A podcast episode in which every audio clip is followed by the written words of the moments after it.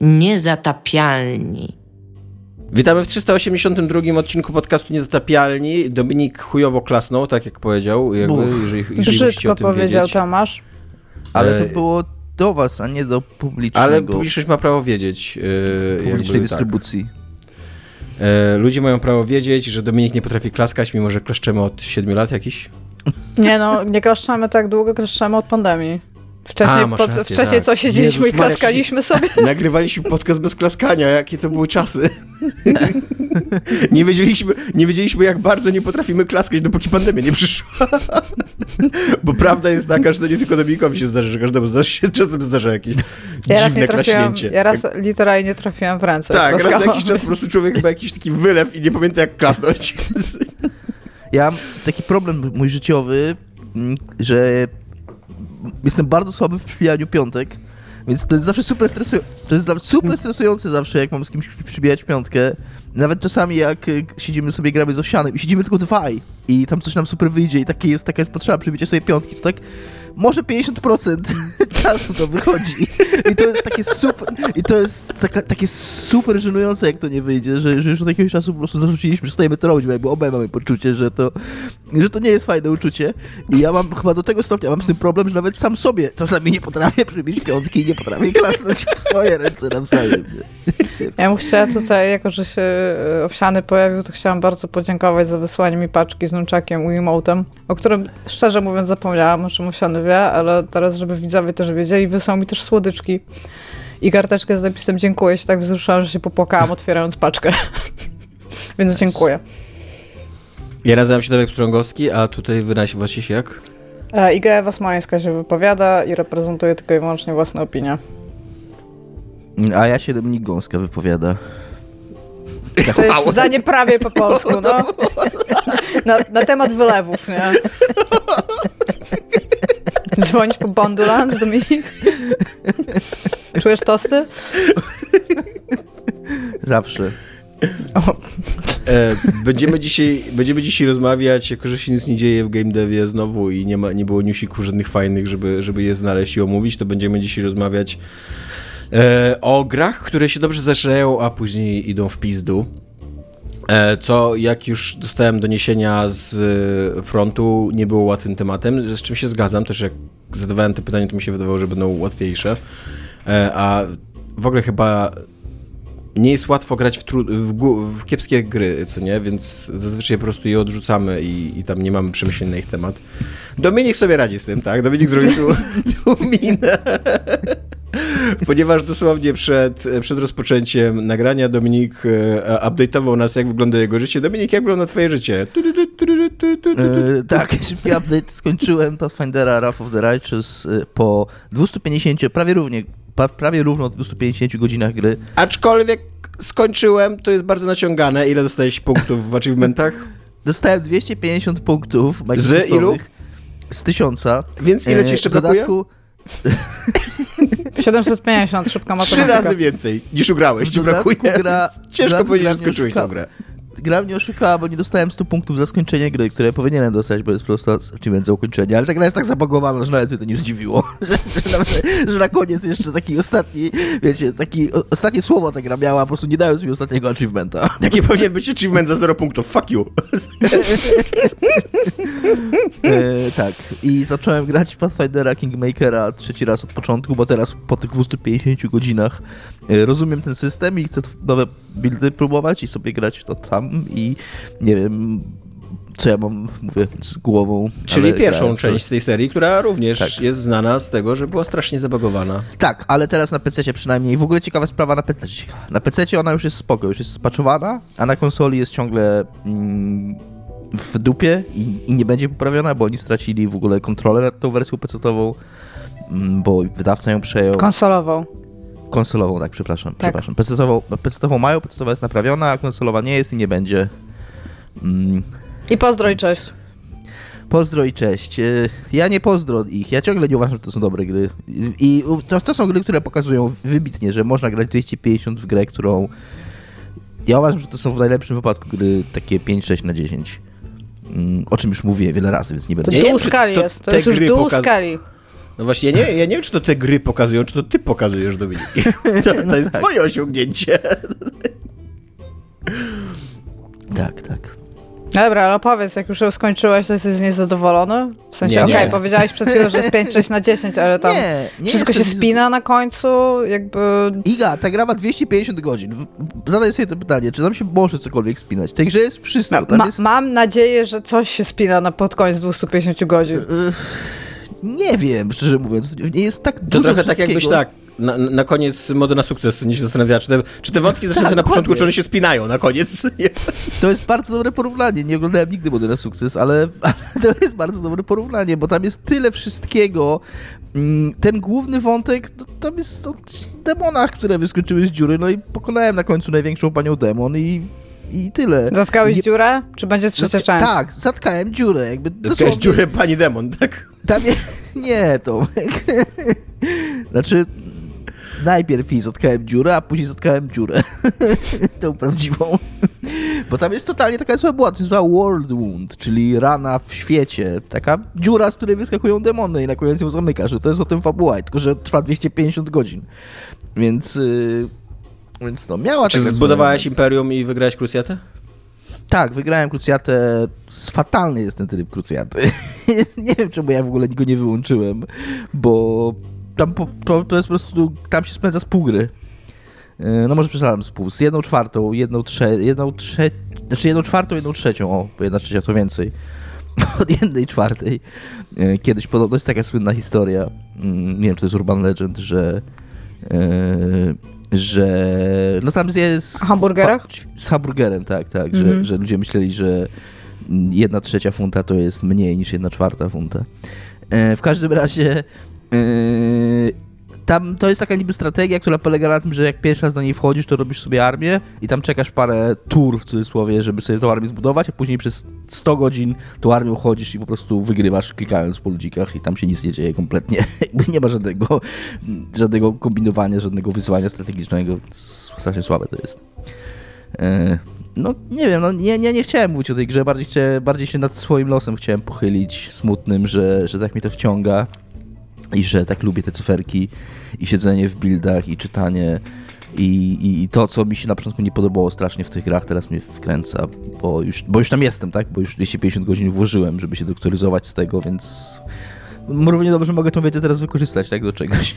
Mogę ci powiedzieć, że według How Long to Beat, który to bardzo lubimy, e, pierwsza część Pathfinder Kingmaker zajmuje średnio 77 godzin. Jeżeli grasz Mhm. main i sides, to jest 130, completionist ma 200. No to ja tak bardziej bym siebie liczył właśnie w to completionist, bo tam zrobiłem wszystko, co, co było do zrobienia. Wszystkie questy praktycznie zrobiłem i tam Czy nie całą że się źle bawiłeś, to zrobiłeś wszystko.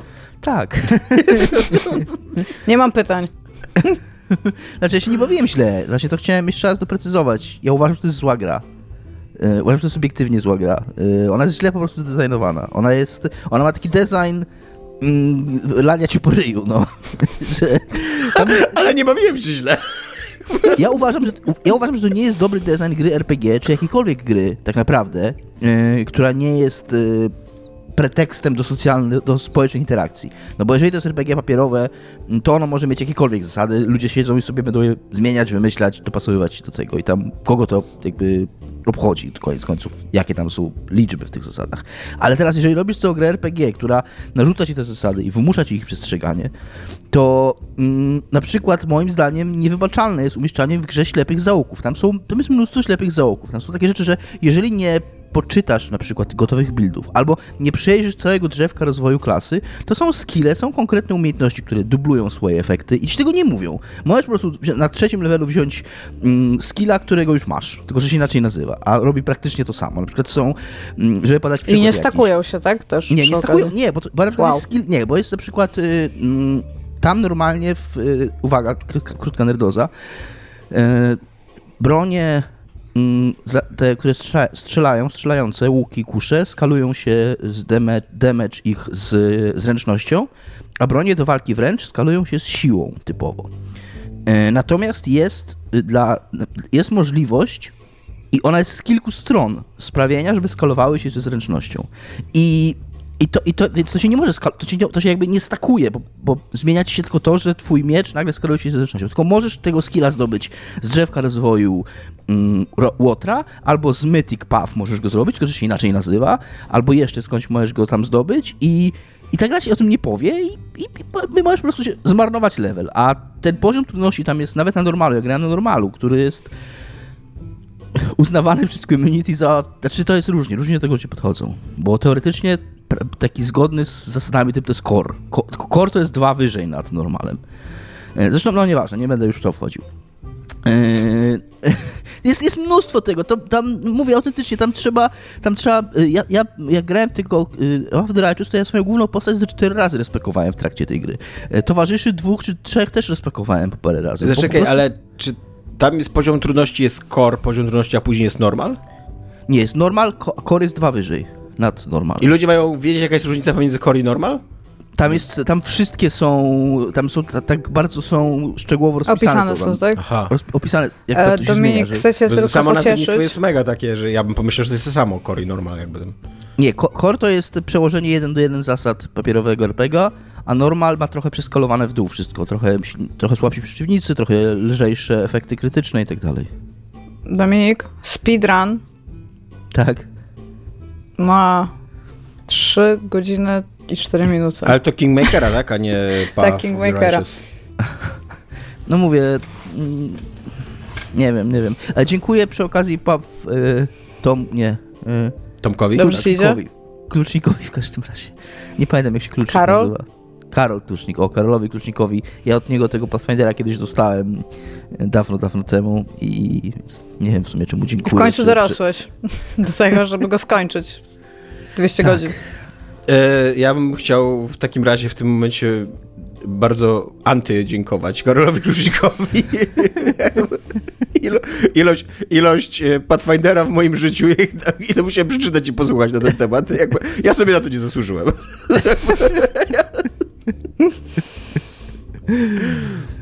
No, tak to jest. No, Masz jeszcze jakieś- Donosił... Jakieś refleksje na koniec? Nie wiem jakie mam refleksje na koniec. No, że, że chyba po prostu to jest moja kara. Karma mnie teraz spotkała, zasłużyłem sobie na to. I za co? Co ty zrobiłeś? Nie wiem, Iga, no wszystko za swoje życie, błędy popełnione w młodości, ludzi, których skrzywdziłem, biznesy, które. Dobra, jaki jest twój ulubiony moment z tych 250 godzin? Quest z polowaniem na smoka z y, Wrath of the Righteous. Ma, ma super quest z polowaniem na smoka, naprawdę. Co się wydaje taką totalnie RPGową kliszą, y, ale, ale mm, tam się zostawia pułapkę na niego, później się go tropi, y, jest taka fajna historyjka wokół tego. Jak Monster Super jest Hunter. quest. Super jest ten quest. I jeszcze jeden jest fajny moment, jak y, się na, na, na początku się idzie z tą krucjatą. I jest taka sekwencja, że wchodzi się w taki kanion, kiedy tak naprawdę już praktycznie przekracza się granice tego, w cudzysłowie, świata ludzi i świata demonów, jeżeli można tak to nazwać. Przynajmniej tego kawałka świata ludzi opanowanego przez demony. Czyli, że wchodzisz Jest- do dziury, tak? Wchodzisz do, do dziury i, i jest taka sekwencja, że idziesz kanionem i tam takie chmary much się zbliż, y, zbliżają nad tobą. To też jest fajnie rozegrane, że na początku masz to taką sekwencję tekstową, później jakaś tam gameplayowo, to się fajnie łączy z tym, co się robi, później na koniec jest taki opcjonalny dungeon z małą historyjką. To też jest bardzo fajne. Jakby ta, gra ma, ta gra ma fajne momenty, tylko że Okej. trzeba się prze, przedzierać przez multum gówna, żeby... Znaczy gówna, właśnie nie gówna, takiego, takiej niejakości. Dobra, e, tutaj Dominik powiedział, że on nie wie, na co zasłużył, czym sobie zasłużył na to, coś, co, na tę karę w jego życiu.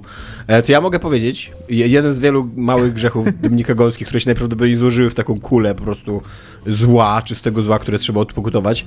E, Ja, ja zacznę od mojego, co jest grane w związku z tym, bo ja bym chciał bardzo polecić wam serial Andor, ze wszystkich tych dobrych powodów, które Dominik wymienił, bo to jest super serial, który zbingowałem w dwa dni i naprawdę świetnie się go ogląda.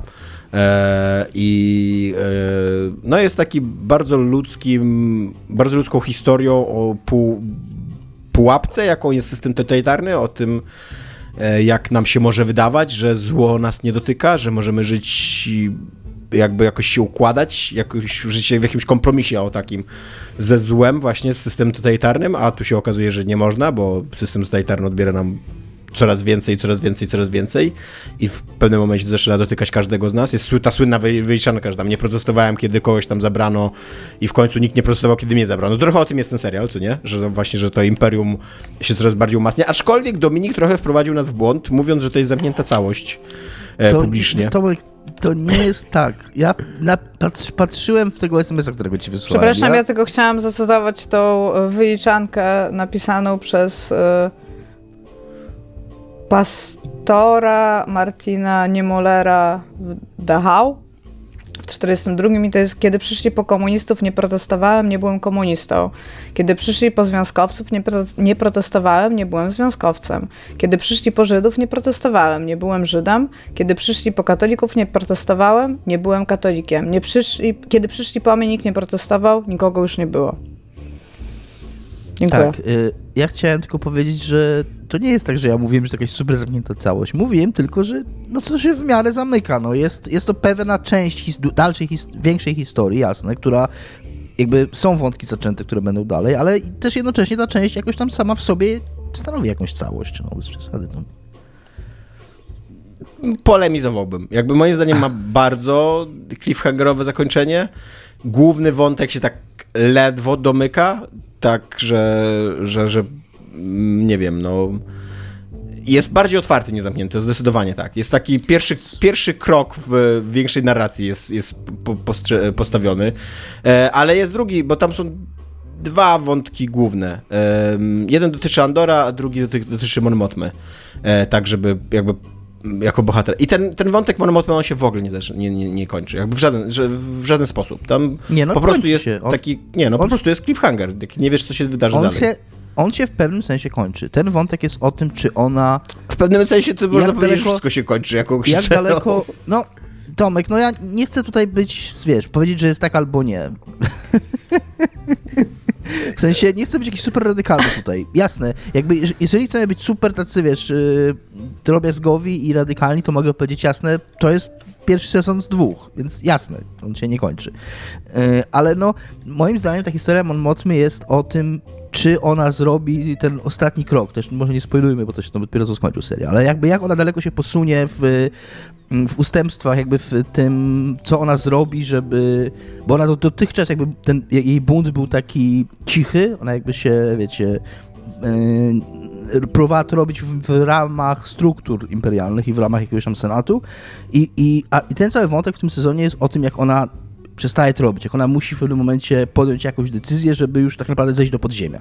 I Ale tak naprawdę nie końcu... schodzi do podziemia. Jakby właśnie... Ona podejmuje na końcu tą decyzję. Jakby... No, i tyle. I właśnie to, to jest dokładnie cliffhanger. Widzimy podjęcie decyzji, nie widzimy konsekwencji tego. No tak, ale jakby jest to. Nie widzimy, nie widzimy czy jak Mon Mothma staje się tą Mon Mothmą, Mon Mothmą którą znamy z Gwiezdnych Wojen. Ale można się domyślić. jest, to, jest, to pewien, jest, jest to pewien wstęp do tego, który sam w sobie się kończy, jest, jest zakończony. Jest jest to pełen wstęp. E, I tak samo, i tak samo historia Andora kończy się jego wstąpieniem do rebelii. Jakby w drugim sezonie on już będzie w tej rebelii, jasne, i tam będzie kontynuował wątki, które zaczął w pierwszym sezonie, ale jakby historia jego wstąpienia do rebelii jest Nie mówisz o tym, że cała rzesza bohaterów drugoplanowych po prostu zostaje tak rozrzucona po planszy i tak, tak się kończą jakby tak, tej no, wątki. No cóż, no takie jest życie, Tomek. No. E, ale tak, ale jakby chciałbym tu tylko wrócić do głównego message'u mojego, że, serial jest super, naprawdę. I, I, w ogóle strasznie mi się, mi się, mi się osobiście bardzo podoba to, że to jest serial gwiezdnowojenny. Jakby uważam, że to jest serial, który jest, byłby ok, być może bardzo dobry, a być może tylko dobry, gdyby nie był Gwiezdnowojenny, bo jest trochę takich seriali właśnie bez takiego szefarzu Gwiezdnych Wojen, ale to, że on przywraca trochę ten świat Gwiezdnych Wojen, że go wyjmuje jak, jak gadałem z Dominikiem o Mandalorianie, to Dominik e, bardzo, fajne, bardzo fajnego użył sformułowania, że to jest taki serial o action figure. Ja się z tym bardzo zgadzam. Ja uważam, ja, ja myślę trochę lepiej o tym serialu niż Dominik, ale totalnie się zgadzam z tym argumentem, że ten, to, to jest taki, taki koleś, kurde, tam w pancerzu, który tam przeżywa swoje przygody, robi piu-piu i tak dalej. I, te przygody są raz bardziej wciągające, raz mniej. E, a właśnie, a to, co robi Andor, to przywraca trochę ten świat Gwiezdnych Wojen jakimś real, nawet nie realizm, ale takie życie mu nadaje, tak, tak. że taki, taki głębi, że ci bohaterowie mają sens, że ta ich walka ma sens, że właśnie, że to, ta, to starcie dobra ze złem to jest jakiś realne dobro i jakieś realne zło, a nie tylko właśnie jakieś takie mitologiczne siły, w które musimy uwierzyć na Tak, słowo że- honoru. Że tam w ogóle są ludzie, że w końcu Tak. mamy w tej galaktyce prawdziwych ludzi, jakby o których warto walczyć, tak? Tak, tak.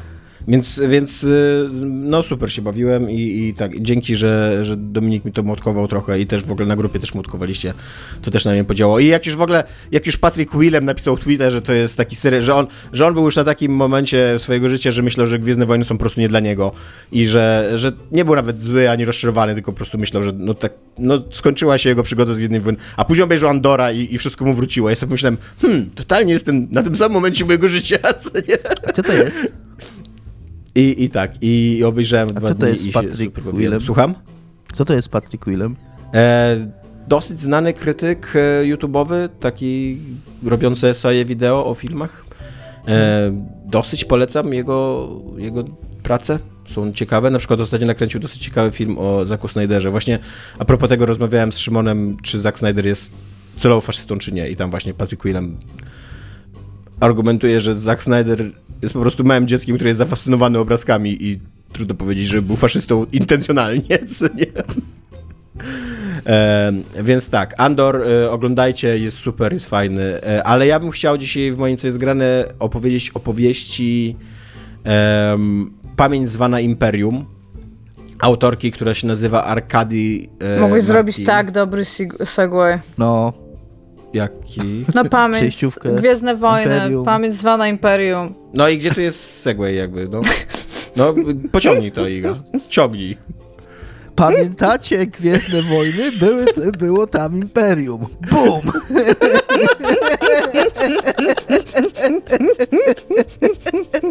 Rzeczywiście, Proste, proste. rzeczywiście świetny. Nie wiem, jak mogłem przegapić tę okoliczność. To, to, tam, to tam leżało, Tomek. Miałeś one shot, one opportunity Ja nie wiem, nie ja nie wiem my cudem nie dostaliśmy tej nagrody za najlepszy podcast, jakby skoro mamy takie przejściówki. Czekaj, jest nagroda za najlepsze. Są nagrody była, za podcasty? Była jakaś teraz i tam na grupie ludzie nam mówili, że nas zgłosili niby. Ale później nie dostaliśmy absolutnie żadnego, żadnej informacji zwrotnej, więc zakładam, że nic nie wygraliśmy, jakby, że nie jesteśmy nawet zauważeni przez kapitułę. Tak, Iga, tak. Po, po co się robi nagrodę za... No dobra, przepraszam. No jak Let's no? go.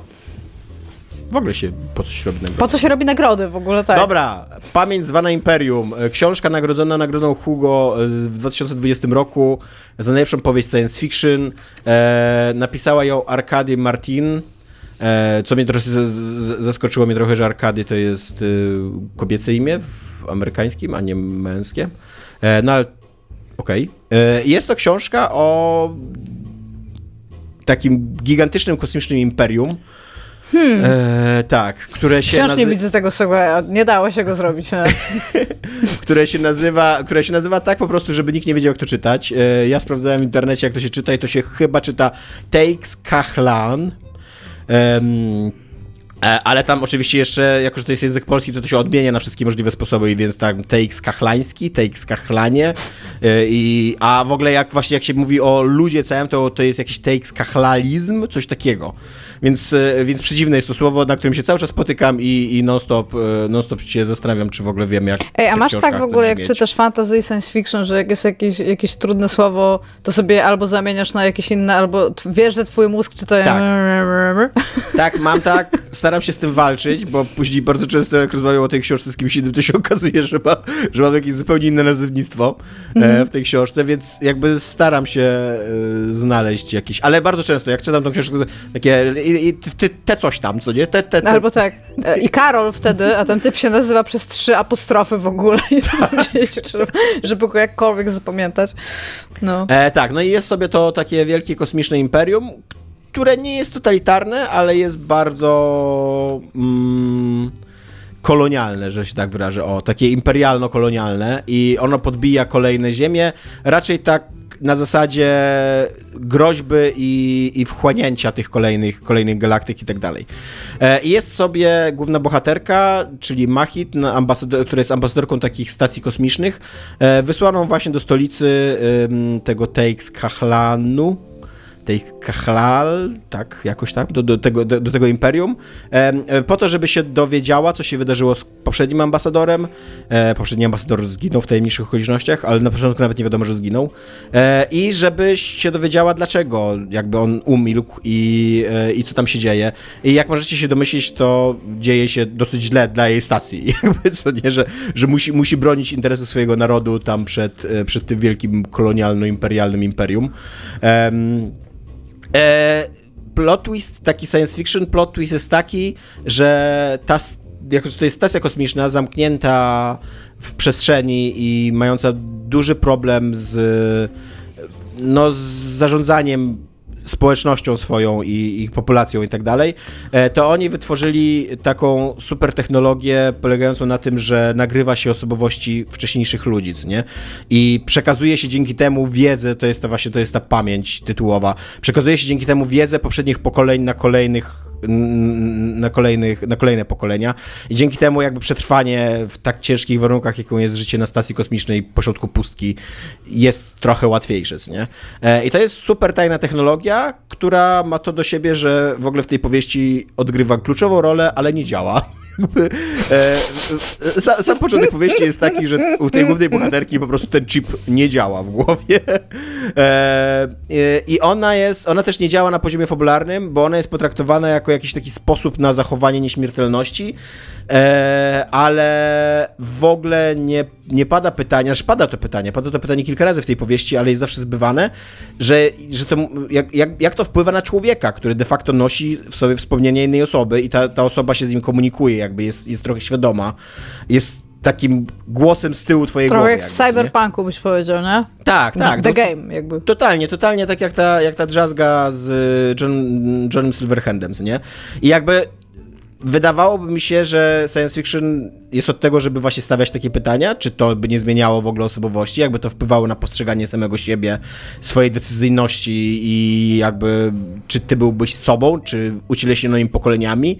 E, I tak, co, co przy okazji wybitny pisarz Frank Herbert zadał już to pytanie, bo tam też jest pamięć genetyczna taka pokoleniowa e, u Ali tak? Chyba u Ali, e, a później chyba też u Paula e, Atrydy. E, więc, więc jakby mamy już wybitniejszą powieść na ten temat, a tutaj to pytanie pada kilka razy, za, za, każdym razem jest zbywane, takie, że o, to jest inaczej niż sobie wyobrażacie, że to, to nie jest tak, że ktoś inny nami rządzi i tak dalej, co nie? I, I tak naprawdę to jest tylko taki... Mm, plot device służący do tego, że, no, że, że jest to tajna, cenna technologia, dzięki której się zachowuje pewną sekretną wiedzę i przekazuje się ją kolejnym pokoleniom, co nie? E, i, I ogólnie to, co mam do powiedzenia o tej książce, to, że jestem nią zainteresowany, czytam się ją dobrze, ale na takim poziomie, że to mogłaby być książka w jakimkolwiek szafarzu, niekoniecznie science fiction. To jest, to jest taka książka o spisku w strukturach władzy i morder, tajemnicy morderstwa i tak dalej. I to, że ona się dzieje w kosmosie, to, że tam jest jakiś wynalazek science fiction, który po prostu jest, napędza fabułę tak naprawdę i jakby je, to, to, jest taki, to jest taki cenny McGuffin, co nie? Który, który ktoś chce. E, to, no to, to nie ma żadnego znaczenia, że, że, że on, mówię, że ona jest science fiction i że dzieje się w kosmosie. To, to by się równie dobrze mogło dziać, kurde, we współczesnych czasach na jakimś takim, nie wiem, dworze politycznym, czy, czy jakimś historycznym szefarzu, na jakimś dworze jakiegoś monarchy i tak dalej, nie? Być może to się jeszcze odmieni, ja jestem tak w trzech czwartych tej książki i to jest oczywiście, że to jest trylogia, bo nie da się napisać pojedynczej dobrej książki science fiction, musisz od razu, każdy autor od razu musi w trylogię e, celować. E, I druga książka wyszła w tym roku, ale chyba jeszcze nie jest przetłumaczona na polski, więc trochę mi zajmie, zanim, zanim przeczytam drugą. E, I no ale tak jak mówię, tak, ona jest taka. To, co jest z niej ciekawe, to jest takie bardzo powszechne i normalne. Takie, że jest jakaś y, zagadka, że są jakieś spiski o władzę, jest dosyć ciekawie napisany taki wątek jakby obcowania, y, obracania się w ogóle w obcej kulturze, bo ta kultura tego imperium Takes Kachlanu jest, y, jest bardzo skomplikowana i taka bardzo dworska i oparta w ogóle na poezji, na, na analizie tej poezji i na takich dwuznacznościach, że bardzo często się mówi coś zupełnie innego niż się ma na na myśli, ale jednocześnie właśnie doszukiwanie się takich podtekstów i tak dalej e, jest jakby taką sztuką właśnie dworskiej dyplomacji, co też znowu bardzo pachnie Duną, co nie? W ogóle uważam, że ta książka to jest taka dużo, dużo gorsza Duna, du dużo, dużo płytsza Duna, o tak, co nie? Eee, i, i, I czyta mi się to z zainteresowaniem i jakby nawet jestem ciekaw, co się tam wydarzy na koniec, ale żeby to była nagroda Hugo, żeby to było wybitne coś, co tam trzeba nagradzać najważniejszą nagrodą science fiction na świecie, no nie, nie. Jakby przede wszystkim bardzo jestem rozczarowany tym, że ten główny hook science fiction, który dla mnie w ogóle jest zawsze najciekawszy w science fiction, że, hmm. że, że science fiction ci podsuwa coś, co totalnie zmienia zasady gry, nie? Jakby takie... To jest taki... takie, ej, a chodźmy, że a, a, co by było, jeśli. Tak, dokładnie. Taki pomysł, który ci wywraca, wywraca ci szachownicę, co nie, i nagle sobie myślisz, o kurde, jakby, to, jakby ta gra wyglądała bez szachownicy, co nie? e, i, a, tutaj, a tutaj jest ten pomysł, tylko jest totalnie totalnie niewykorzystany. Tak zupełnie na marginesie on sobie leży i się nic z nim nie dzieje. I mówię, no być może tam będzie jakiś przewrót jeszcze. Jeżeli tak, to dziwne, że autorka odkłada go na tam końcówkę książki. Być może na kolejne tomy to odkłada. To, te, to jeszcze dziwniejsze, jakby jeżeli, jeżeli masz pomysł na dobrą książkę, to moja rada jako człowieka, który nie napisał żadnej książki, ale napisz od razu dobrą książkę, a nie odkładaj tą, tą, tą dobrą książkę na drugą czy trzecią część trylogii. E, ale jeżeli tak nie jest, to tak jak mówię, to jest taka taki porządny kryminał w kręgach władzy po prostu, nie? Tyle, że dziejąc się w kosmosie i tam ja mam... zamiast, kurde, pojechać gdzieś e, samochodem albo wysłać list, to się wysyła wiadomości, kurde, gwiezdne albo lata się, kurde, statkami kosmicznymi. I tyle. E, mam cytat do przeczytania na ten temat. E, jeden z moich ulubionych cytatów. Iga mogła przeczytać cytat, ja też przeczytam. Jeden z moich ulubionych cytatów z Filipa K. Dicka, który powiedział kiedyś tak, czy też napisał. Chcę pisać o ludziach, których kocham i umieszczać ich w wymyślonym świecie, wyznutym z mojej wyobraźni, a nie w świecie, w którym rzeczywiście żyjemy, bo ten świat, w którym żyjemy, nie odpowiada moim wymaganiom. W porządku, wobec tego powinienem zrewidować swoje wymagania. Wypadam z szyku, powinienem trzymać się rzeczywistości. A ja nigdy nie ulegałem rzeczywistości. To jest właśnie istota SF. Jeżeli chcesz trzymać się rzeczywistości, czytaj Filipa Roffa, czytaj głównonurtowych, popularnych pisarzy nowojorskiego establishmentu literackiego. Dlatego właśnie kocham SF. Kocham ją czytać i kocham ją pisać. Pisarz SF nie tylko dostrzega możliwości, on dostrzega zwariowane możliwości. To nie tylko a gdyby tak, to o rany, a gdyby tak. W szale i histerii. Marcianie nadciągają. Jestem ciekawa, tak jak w oryginale brzmiało o rany.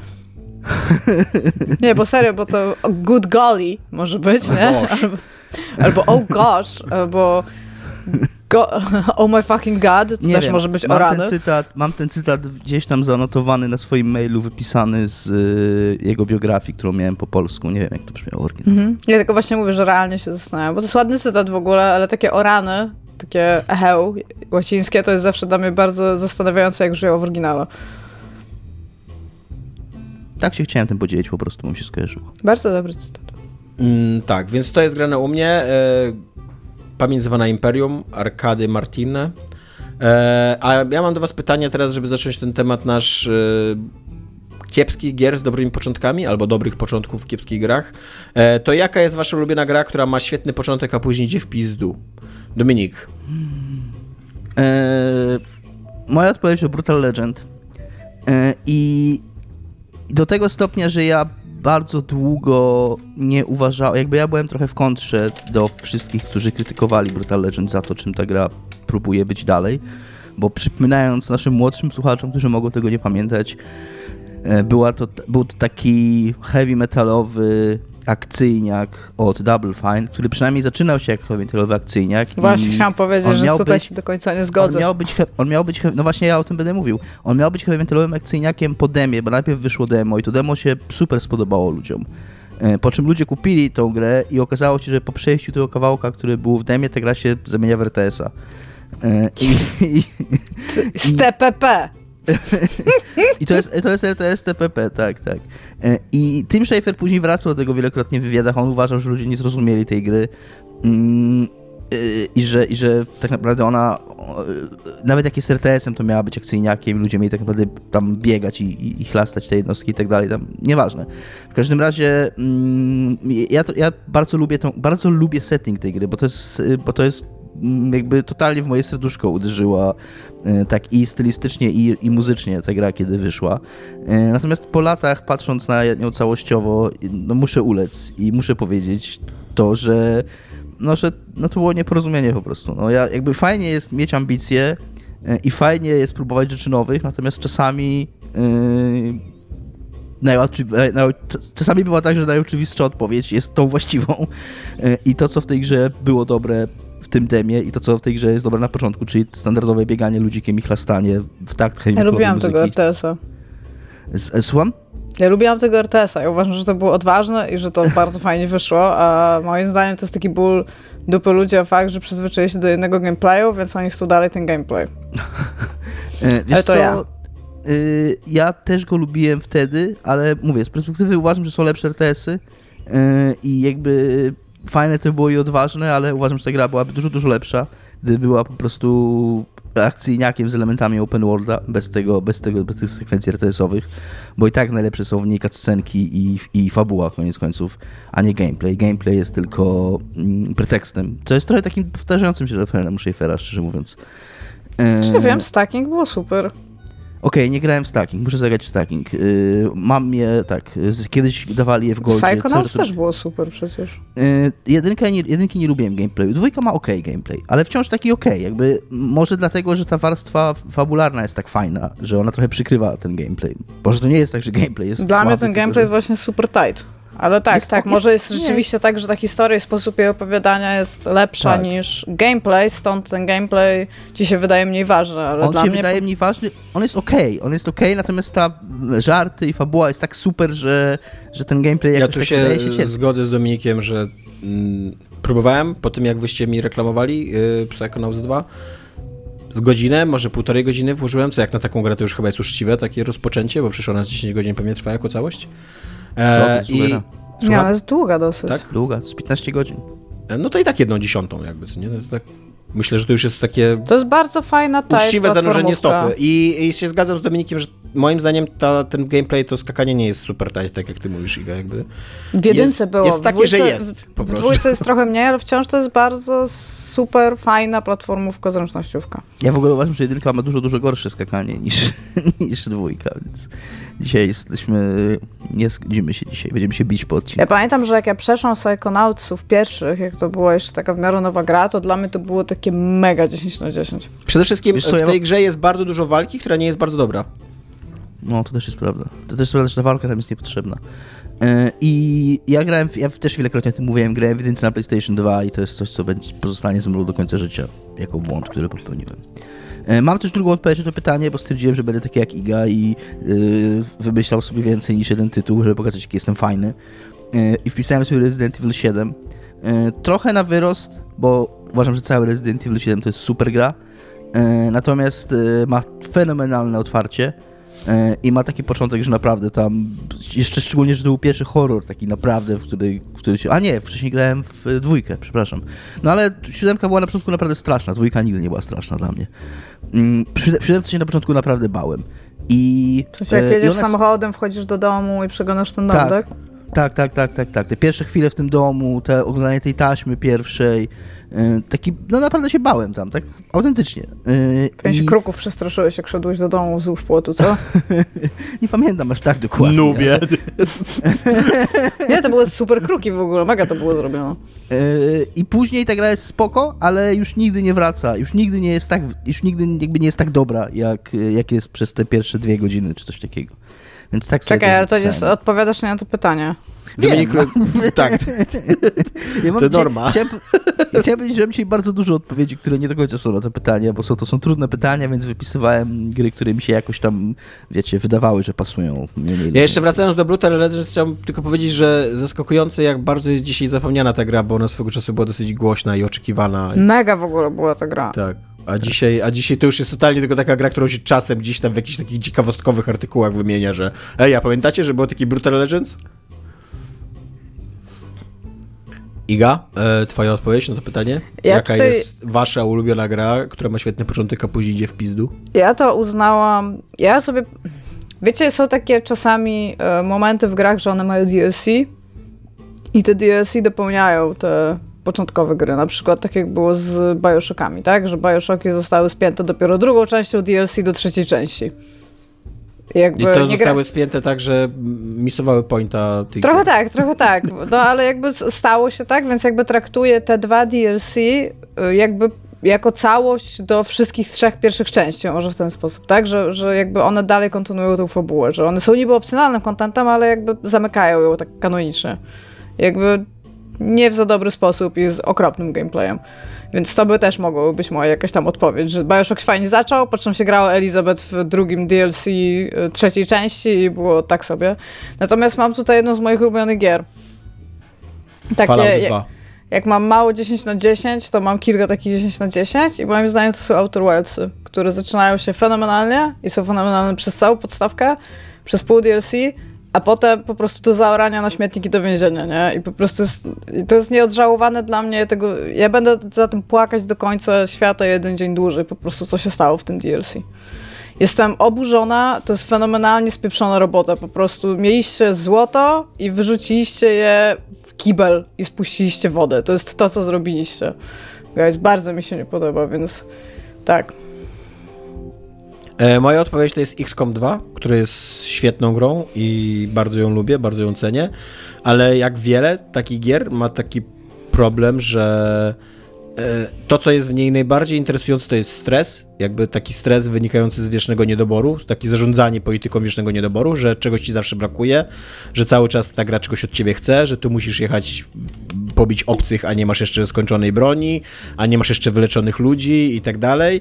I że to jest takie właśnie takie, masz takie wrażenie, że cały czas próbujesz y, spiąć do kupy coś, co jest nie do końca spinalne do kupy, jakby, nie? Że, że, że, że ta twoja organizacja jest wiecznie niedofinansowana, wiecznie w takim, w takim chaosie, a ty musisz tym sobie radzić z tym. I to na początku jest super i strasznie mnie to robi zawsze. I tak samo w jedynce to było super, ale dosyć szybko, znaczy no, nawet nie dosyć szybko, bo to jest gra tam na 60 godzin, więc pewnie z 20 godzin to zajmuje, co nie? E, ale tak po tych 20 godzinach E, no dochodzisz do takiego punktu, że już masz wszystko i że po prostu jesteś super w tą grę i, e, i nie, ma, nie, nie ma żadnych problemów z zasobami, nie masz żadnych problemów z mm, ludźmi, nie ma żadnych problemów z uzbrojeniem. I Chciałabym to... mieć tak, że po 20 godzinach jakiejś gry nie mam już problemów z ludźmi. To, to jest dla mnie. Powinienem chyba pograć w XCOM. To nie jest tak, że ta gra się robi jakaś zła, bo nadal jeżdżenie na misję i strzelanie do obcych jest, jest, jest bardzo fajne. Ona ma bardzo fajny taki gameplay po prostu akcyjny. E, ale no to już to już jest dużo gorsza gra niż, niż z początku. Nie? To już to jest właśnie ona tak poszła w pizdu, tak cały ten, cały ten stres, ta, e, to takie dopinanie budżetu i, i martwienie się o to, czy tam doczekasz do następnego miesiąca, tego już nie ma po prostu. E, drugie pytanie, jakie mamy tutaj w tym temacie, to jest jak często orientujecie, że, orientujecie się, że dzięki wciągającym pierwszym godzinom jesteście zaangażowani w kiepską grę? I teraz jeszcze tak, żebyście odpowiedzieli ze story. E, to czy często wtedy odpadacie od tej gry? Czy kontynuujecie tę grę? E, I, a jeżeli kontynuujecie, Dominik, to co się musi stać, żebyście odpadli? Nie wiem, nie wiem co się musi stać, żebym odpadł od Pathfindera. Ja w ogóle mam taki problem, tak, uważam, że gry, i to jest trochę nawiązanie do tego, co Tomek mówił do XCOMie, bo ja mam podobne wrażenie całościowo e, z grami, szczególnie z grami RPG, bo, e, bo gry RPG, ale tak jakby takie strategie turowe też mają elementy RPG, więc to jest podobny problem, e, wynikający z tego, że na początku twórcom jest bardzo łatwo kontrolować równowagę, zwaną również balansem, jeżeli chodzi o poziom trudności, czyli masz ograniczone zasoby i musisz jakoś tam wykombinować, jak z tymi zasobami, e, które mogą być albo fizycznymi tam pociskami do pistoletów, albo jakimiś tam punktami rozwoju postaci i jak z tymi zasobami, co z nimi zrobić, żeby żeby pokonać przeciwnika.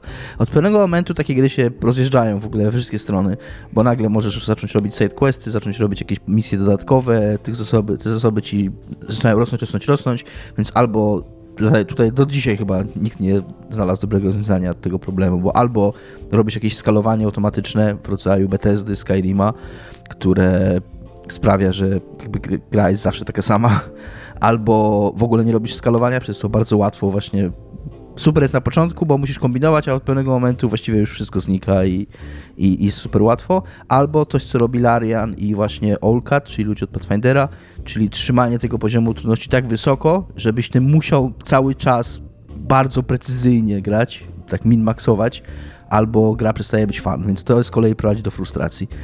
E, a ta długa dygresja jest po to, żeby powiedzieć, że właśnie ja przez to najbardziej lubię początki w grach RPG e, i, i lubię te pierwsze kilka godzin, kiedy to właśnie mam te jestem niskolevelową postacią, mam te proste skille, każdy nowy element ekwipunku, który znajduję jest, jest ważny, bo to też jest fajne w tych początkach, że przez to, że, że ten balans jest, jest, jest równy i, i działa, to też przedmioty, które znajdujesz, wszystkie mają jakiś sens. A od pewnego momentu 90% wszystkich rzeczy, które znajdujesz w tych grach, to jest po prostu na śmietnik, to do sprzedaży vendor trash. Mm, Okej, okay, wracamy po krótkich problemach technicznych. U mnie coś przestało się nagrywać, ale chyba już jest ok z powrotem. E, więc tak, tak jak mówiłem, o ile w grach RPG, takich jak Pathfinder szczególnie, zdarza mi się wejść w to i później nie móc uciec i utykam tym na 250 godzin, to bardzo często zaczyna mi się z kolei odrzucać gry, mm, szczególnie teraz jak jest Game Pass, znaczy teraz, no, od, tych, od tych paru lat jak jest Game Pass i bardzo łatwo jest odpalić grę na chwilę. Mm, zdarza mi się lubić grę przez pół godziny. Taką grą było dla mnie na przykład The Gang. E, to jakiś czas temu wyszła taki, taki trzecioosobowy akcyjniak od ludzi, którzy zrobili Steam World Dig, chyba to chyba to studio, jeżeli dobrze pamiętam, e, który jest takim fabularnym e, science fiction platformerem 3D, w którego pograłem, nie wiem, 40 minut i miałem takie, ok, to było 40 minut, spoko i totalnie nie miałem ochoty do tej gry wracać, odpalać ją znowu, mm, ale, ale tam to było ok. Podobnie miałem też z taką grą, która której pozytywne przyjęcie było dla mnie zaskakujące, ale było to Space Organ Trading Simulator, czyli gra o sprzedawaniu mm, ludzkich organów na giełdzie galaktycznej. E, też pograłem w to pół godziny i miałem takie, okej, okay, śmieszne, tam jasne, po czym, po czym nie zagrałem. Miałeś szybciej ode mnie, bo ja chyba z dwie godziny albo półtorej godziny sprzedawałam to serce, kupowałam płuce i starałam się podejmować moralne decyzje, ale bardzo szybko mi się odechciało podejmować te moralne decyzje. No, mi się Jakie można podejmować moralne decyzje handlując Na przykład organami? typ ci mówi, ej słuchaj, potrzebuję nowych płuc, bo niedługo umrę, ale mam na nie tylko 200, a pierwsze płuca kosztują 1200, więc jakby czy chcesz sprzedać mu te płuce znaczy, w, ogóle, w takiej cenie? Nie, Iga. Jakby w ogóle jak, jak, jak handlujesz organami, to już na samym początku to nie jest moralne. Znaczy, to też jest jakaś przyszłość cyborgizacyjna i już mamy te płuca hodowane w świniach na przykład, albo dodatkowe nerki, nie? A teraz, jakby as we speak, to się dzieje, biotechnologia. Albo uszy hodowane na myszach. Więc tak, e, zagrałem tu ostatnio chwilę w e, jednego rana w Vampire Survivors, jak już mówiłem i... O Jezu, heroina. Wszyscy macie wszyscy jakieś zbiorowe halucynacje z Super jest ta gra. Nie jest w ogóle super. No jak, to jest gra, jedna, e, jedna ręka na klawiaturze, w drugiej ręce piwko, let's go. Nie, albo in, no, nie, nie. Tak. No właśnie nie, nie czuję tego grania w ogóle. To jest gra, w której się prawie nic nie robi, która wygląda jak kupa. Yy, nie wiem, jest genialna. Kupa na kupie, nawet nie kupa na patyku, tylko kupa znaczy, nałożona na kupę. Dominik, jesteś typem, jesteś biologicznie predysponowany do tego, żeby znać się na grach, jakby okej. Okay ładnie, że masz zdanie na ten temat. Ale? Powinieneś się częściej uśmiechać i byłoby ok. E, Iga, jak ty nice. często się orientujesz, że dzięki dobremu początkowi jesteś już zaangażowana w kiepską grę i co wtedy robisz? Ja mam tutaj cytat dwóch Tomaszów i żadnym z tych, jakby żaden z nich to nie jesteś ty, ale ja mam tutaj z jednej strony e, Tomasz Tomaszewski, rozmawiał ze mną kiedyś dosyć długo na temat ważności, jaką jest tak zwana to golden hour, pierwsza godzina gameplayu i tego, jak często się teraz od niej w ogóle odchodzi, jeżeli e, chodzi o ten taki hook na gracza, nie? Że jakby już jesteśmy na tyle świadomi, że ten gracz kupi tą kolejną część czegoś, albo że jeżeli to jest nowe IP i jest bardzo drogie i technicznie dobrze wykonane, to ta pierwsza godzina jest bardzo taka sobie. I tutaj na przykład jest jako przykład Horizon Zero Dawn. Pierwsza godzina Horizon Zero Dawn jest na śmietnik. Tam się chodzi w ogóle... Tam jest jakaś długa cutscenka, potem się chodzi Eiro jako dzieckiem i to jest super nudne i dopiero tak naprawdę ta gra się otwiera tam chyba po dwóch godzinach, gdzie ona się robi tam fana. I ten początek to jest, to jest w ogóle przejście przez jakieś takie zasieki i błoto. To nie jest nic fajnego w tym nie ma jakby, nie? I bardzo często to się zaczyna pojawiać i jakbyś sobie tak teraz usiadł do takich cinematic experiences z gier AAA, to się pojawia mega często coś, coś tego typu, że ona nie, nie stara się ciebie złapać przez pierwszą godzinę, bo ona wie, że ona teraz robi wstęp i tak naprawdę ten pierwszy Golden Hour jest dopiero po prologu. Że Totalnie. tak jak często się pisze i projektuje grę, to zaczynasz od tej pierwszej godziny gameplayu, a potem dodajesz do tego półtorej godziny prolog i jakby... Mm. No Dominik się ze mną zgadza. Tak, zgadzam się, bo próbowałem wczoraj, ja mam od Igi pożyczone Ghost of Tsushima, czy też Ghost of Tsushima, yy, które leżało u mnie na półce i tak zacząłem mieć wyrzut, że może w to w końcu odpalę i zagram.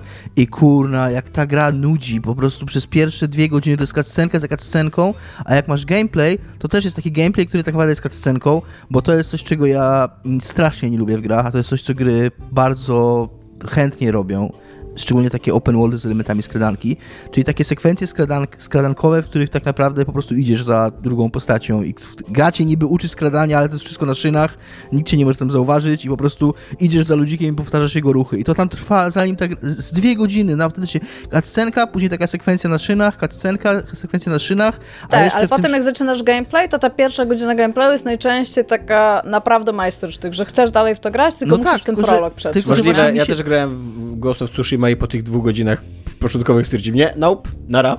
nie, Właśnie nie ja, ja też, ja chyba, chyba skończyłem ten prolog teraz, bo już był, były napisy początkowe, które były super, ale tam to, to jest akurat sztuczka nam niełatwa zrobić, late, fajny late title karty, więc to jakby nie mają punktów za to. Eee, I teraz chyba, chyba to jest moment, kiedy gra się zaczęła, tylko ja jestem tak wymęczony tym prologiem, że też już chyba po prostu chyba Tak, więc tutaj jest w ogóle Gigantyczny problem y, z tymi blockbusterowymi Golden Hours, które są tak naprawdę często w trzeciej godzinie gry, więc to jest po pierwsze to, co chciałam zauważyć. A po drugie, y, Tomek 07 e, powiedział, że y, jakby coś się musi stać, żeby, w końcu odpuścić grę, bo on rzadko w ogóle, on bardzo, bardzo rzadko odpuszcza grę. E, To on mówi o tym, y, że gameplay loop musi być nudny, i wtedy się tak trochę odpada, z tym, że on jest na tyle wczytany zwykle w grę, że on i tak i tak ją przejdzie do końca, po czym krzyczy Iga, przeszedłem, i tutaj jest cudzysłowie, to obsrane gówno. Chodź zobacz zakończenie. O, to tak jak moje gówno Więc- na gównie. Trochę tak, no. E, natomiast e, jak często orientujecie się, że jesteśmy zaangażowani w kiepską grę w po kilku pierwszych godzinach? Mi się to zdarza dosyć rzadko, bo gry AA albo gry indie nie mogą sobie po prostu pozwolić na to obsrane gówno, które już tutaj ustaliśmy, które robią e, te wysokobudżetówki i one po prostu muszą cię złapać, dlatego że one zbyt mocno walczą o gracza, żeby tego nie robić. Stąd na przykład bardzo często mają fajnie napisane tutoriale, które są literali w prologu i wszystkiego cię uczą i to jest fan i jeszcze pozwalają ci pograć i tak e, nie chcę tutaj być szalona, ale być może tak powinno się robić gry. I e, czy mi jest trudno porzucić grę, w której jest e, jakby kiepski początek? Tak, jest mi bardzo, znaczy nie, jest mi bardzo łatwo porzucić taką grę, bardzo często siadam do jakiegoś horroru i po prostu widzę, że to jest busy work i jakieś stranie w banie i nie chce mi się grać. A to, co najczęściej mnie od, jakby odciąga od gier, które na przykład mają bardzo dużo godzin, to jest fakt, że na samym początku on ci pokazuje jakiś system. I ten system bardzo często na samym początku jest ciekawy, bo jest czymś nowym. I na przykład ja sobie w głowie wyobrażam scenariusze, w, które, w, w których dałoby się wykorzystać ten system. Na zasadzie, że gdzie byłby zaskakujący. I jeżeli gra tego nie robi, tylko ten system wykorzystywany jest cały czas w ten sam sposób, czyli jest taki strasznie płytki, a, mu, a nie musi być, jakby, to wtedy najczęściej jakby od tego odpadam. Nawet nie nudny gameplay lub, tylko jeżeli system jest płytki. To jest w ogóle e, o tyle śmieszne to, co mówisz, że Ale śmieszne to było, co powiedziałam. o, śmiejemy się. Dobrze, Tomek, przepraszam. o tyle to jest śmieszne to, co mówisz, że to jakby o, o grach AAA, co nie, że oni pewnie mają takie podejście w stylu a co jak co jak gracz ci odpadnie podczas tej pierwszej godziny, na tam on już wydał 350 zł na tą Tak, grę, no, dokładnie. 70 dolarów. Jakby on sobie nie może pozwolić na to, żeby odpaść po pierwszej godzinie. Szczególnie, on, jeżeli on, jesteś on już Sony, zrobił taką inwestycję, że on musi grać na przynajmniej 8 godzin. Tak, ja tutaj w ogóle mówiąc o tym, ja patrzę się głównie w, son, w stronę Sony, bo to Sony robi to non-stop. I The Last of Us, i God of War, i yy, no Uncharted trochę lepiej niby, tak? Ale jakby to są takie experiences, które po prostu mówię, projektują pierwszą Golden Hour w trzeciej godzinie gry, a ty dwie godziny siedzisz i jesteś tak, nie chcę, jakby let's go, tak? Jakby zapłaciłem 360 zł za grę, jakby chcę w nią pograć, chcę się dobrze bawić, dajcie No mi właśnie, jeszcze jakby ten Ghost of Tsushima, jakby on miał jakiś, nie wiem, super unikatowy ten swój początek, jakby, ale tam jest taka stereotypowa gadka o tym, że spalili mu wioskę, on teraz będzie się mścił i honor, honor, honor, ojczyzna, no i tam, no jasne, tak by, to można załatwić w 5 minut, jakby to są takie tak uniwersalne tropy i tak zrozumiałe, że to można by zrobić pyk, pyk, pyk, dwie, trzy linie, linie dialogowe, go, gramy, tak? I To jest jakby prawda, znamy- bo to jest taka gra, która w ogóle jest tak zapatrzona w, gry, w filmy samurajskie i w ogóle w taki, tą, taki, taką tradycję samurajską, że aż chyba za mocno im weszła ta tradycja. I tak jak A tam mówisz, mia- to jest, masz to jest na w przykład takie napierdzielanie, tam honor, zemsta, w ogóle, dobre Tak, imię. Tam Ja chyba w takie możesz serie grać ludzie z tym to- filtrem Kurosawy, nie? Tak, Tak. swoją drogą, to już jest aż tak zapatrzone dosłownie. w Oni naprawdę, jak to, jak to, jak to takie miałem wrażenie, jakby, jakby Iga powiedziała, że naprawdę niech wezmą kurna jakiś, nie wiem, ten węgiel aktywny, bo, bo się zaraz zestrają tym honorem. Srakostop na wstrzymanie. Cytując Sowę.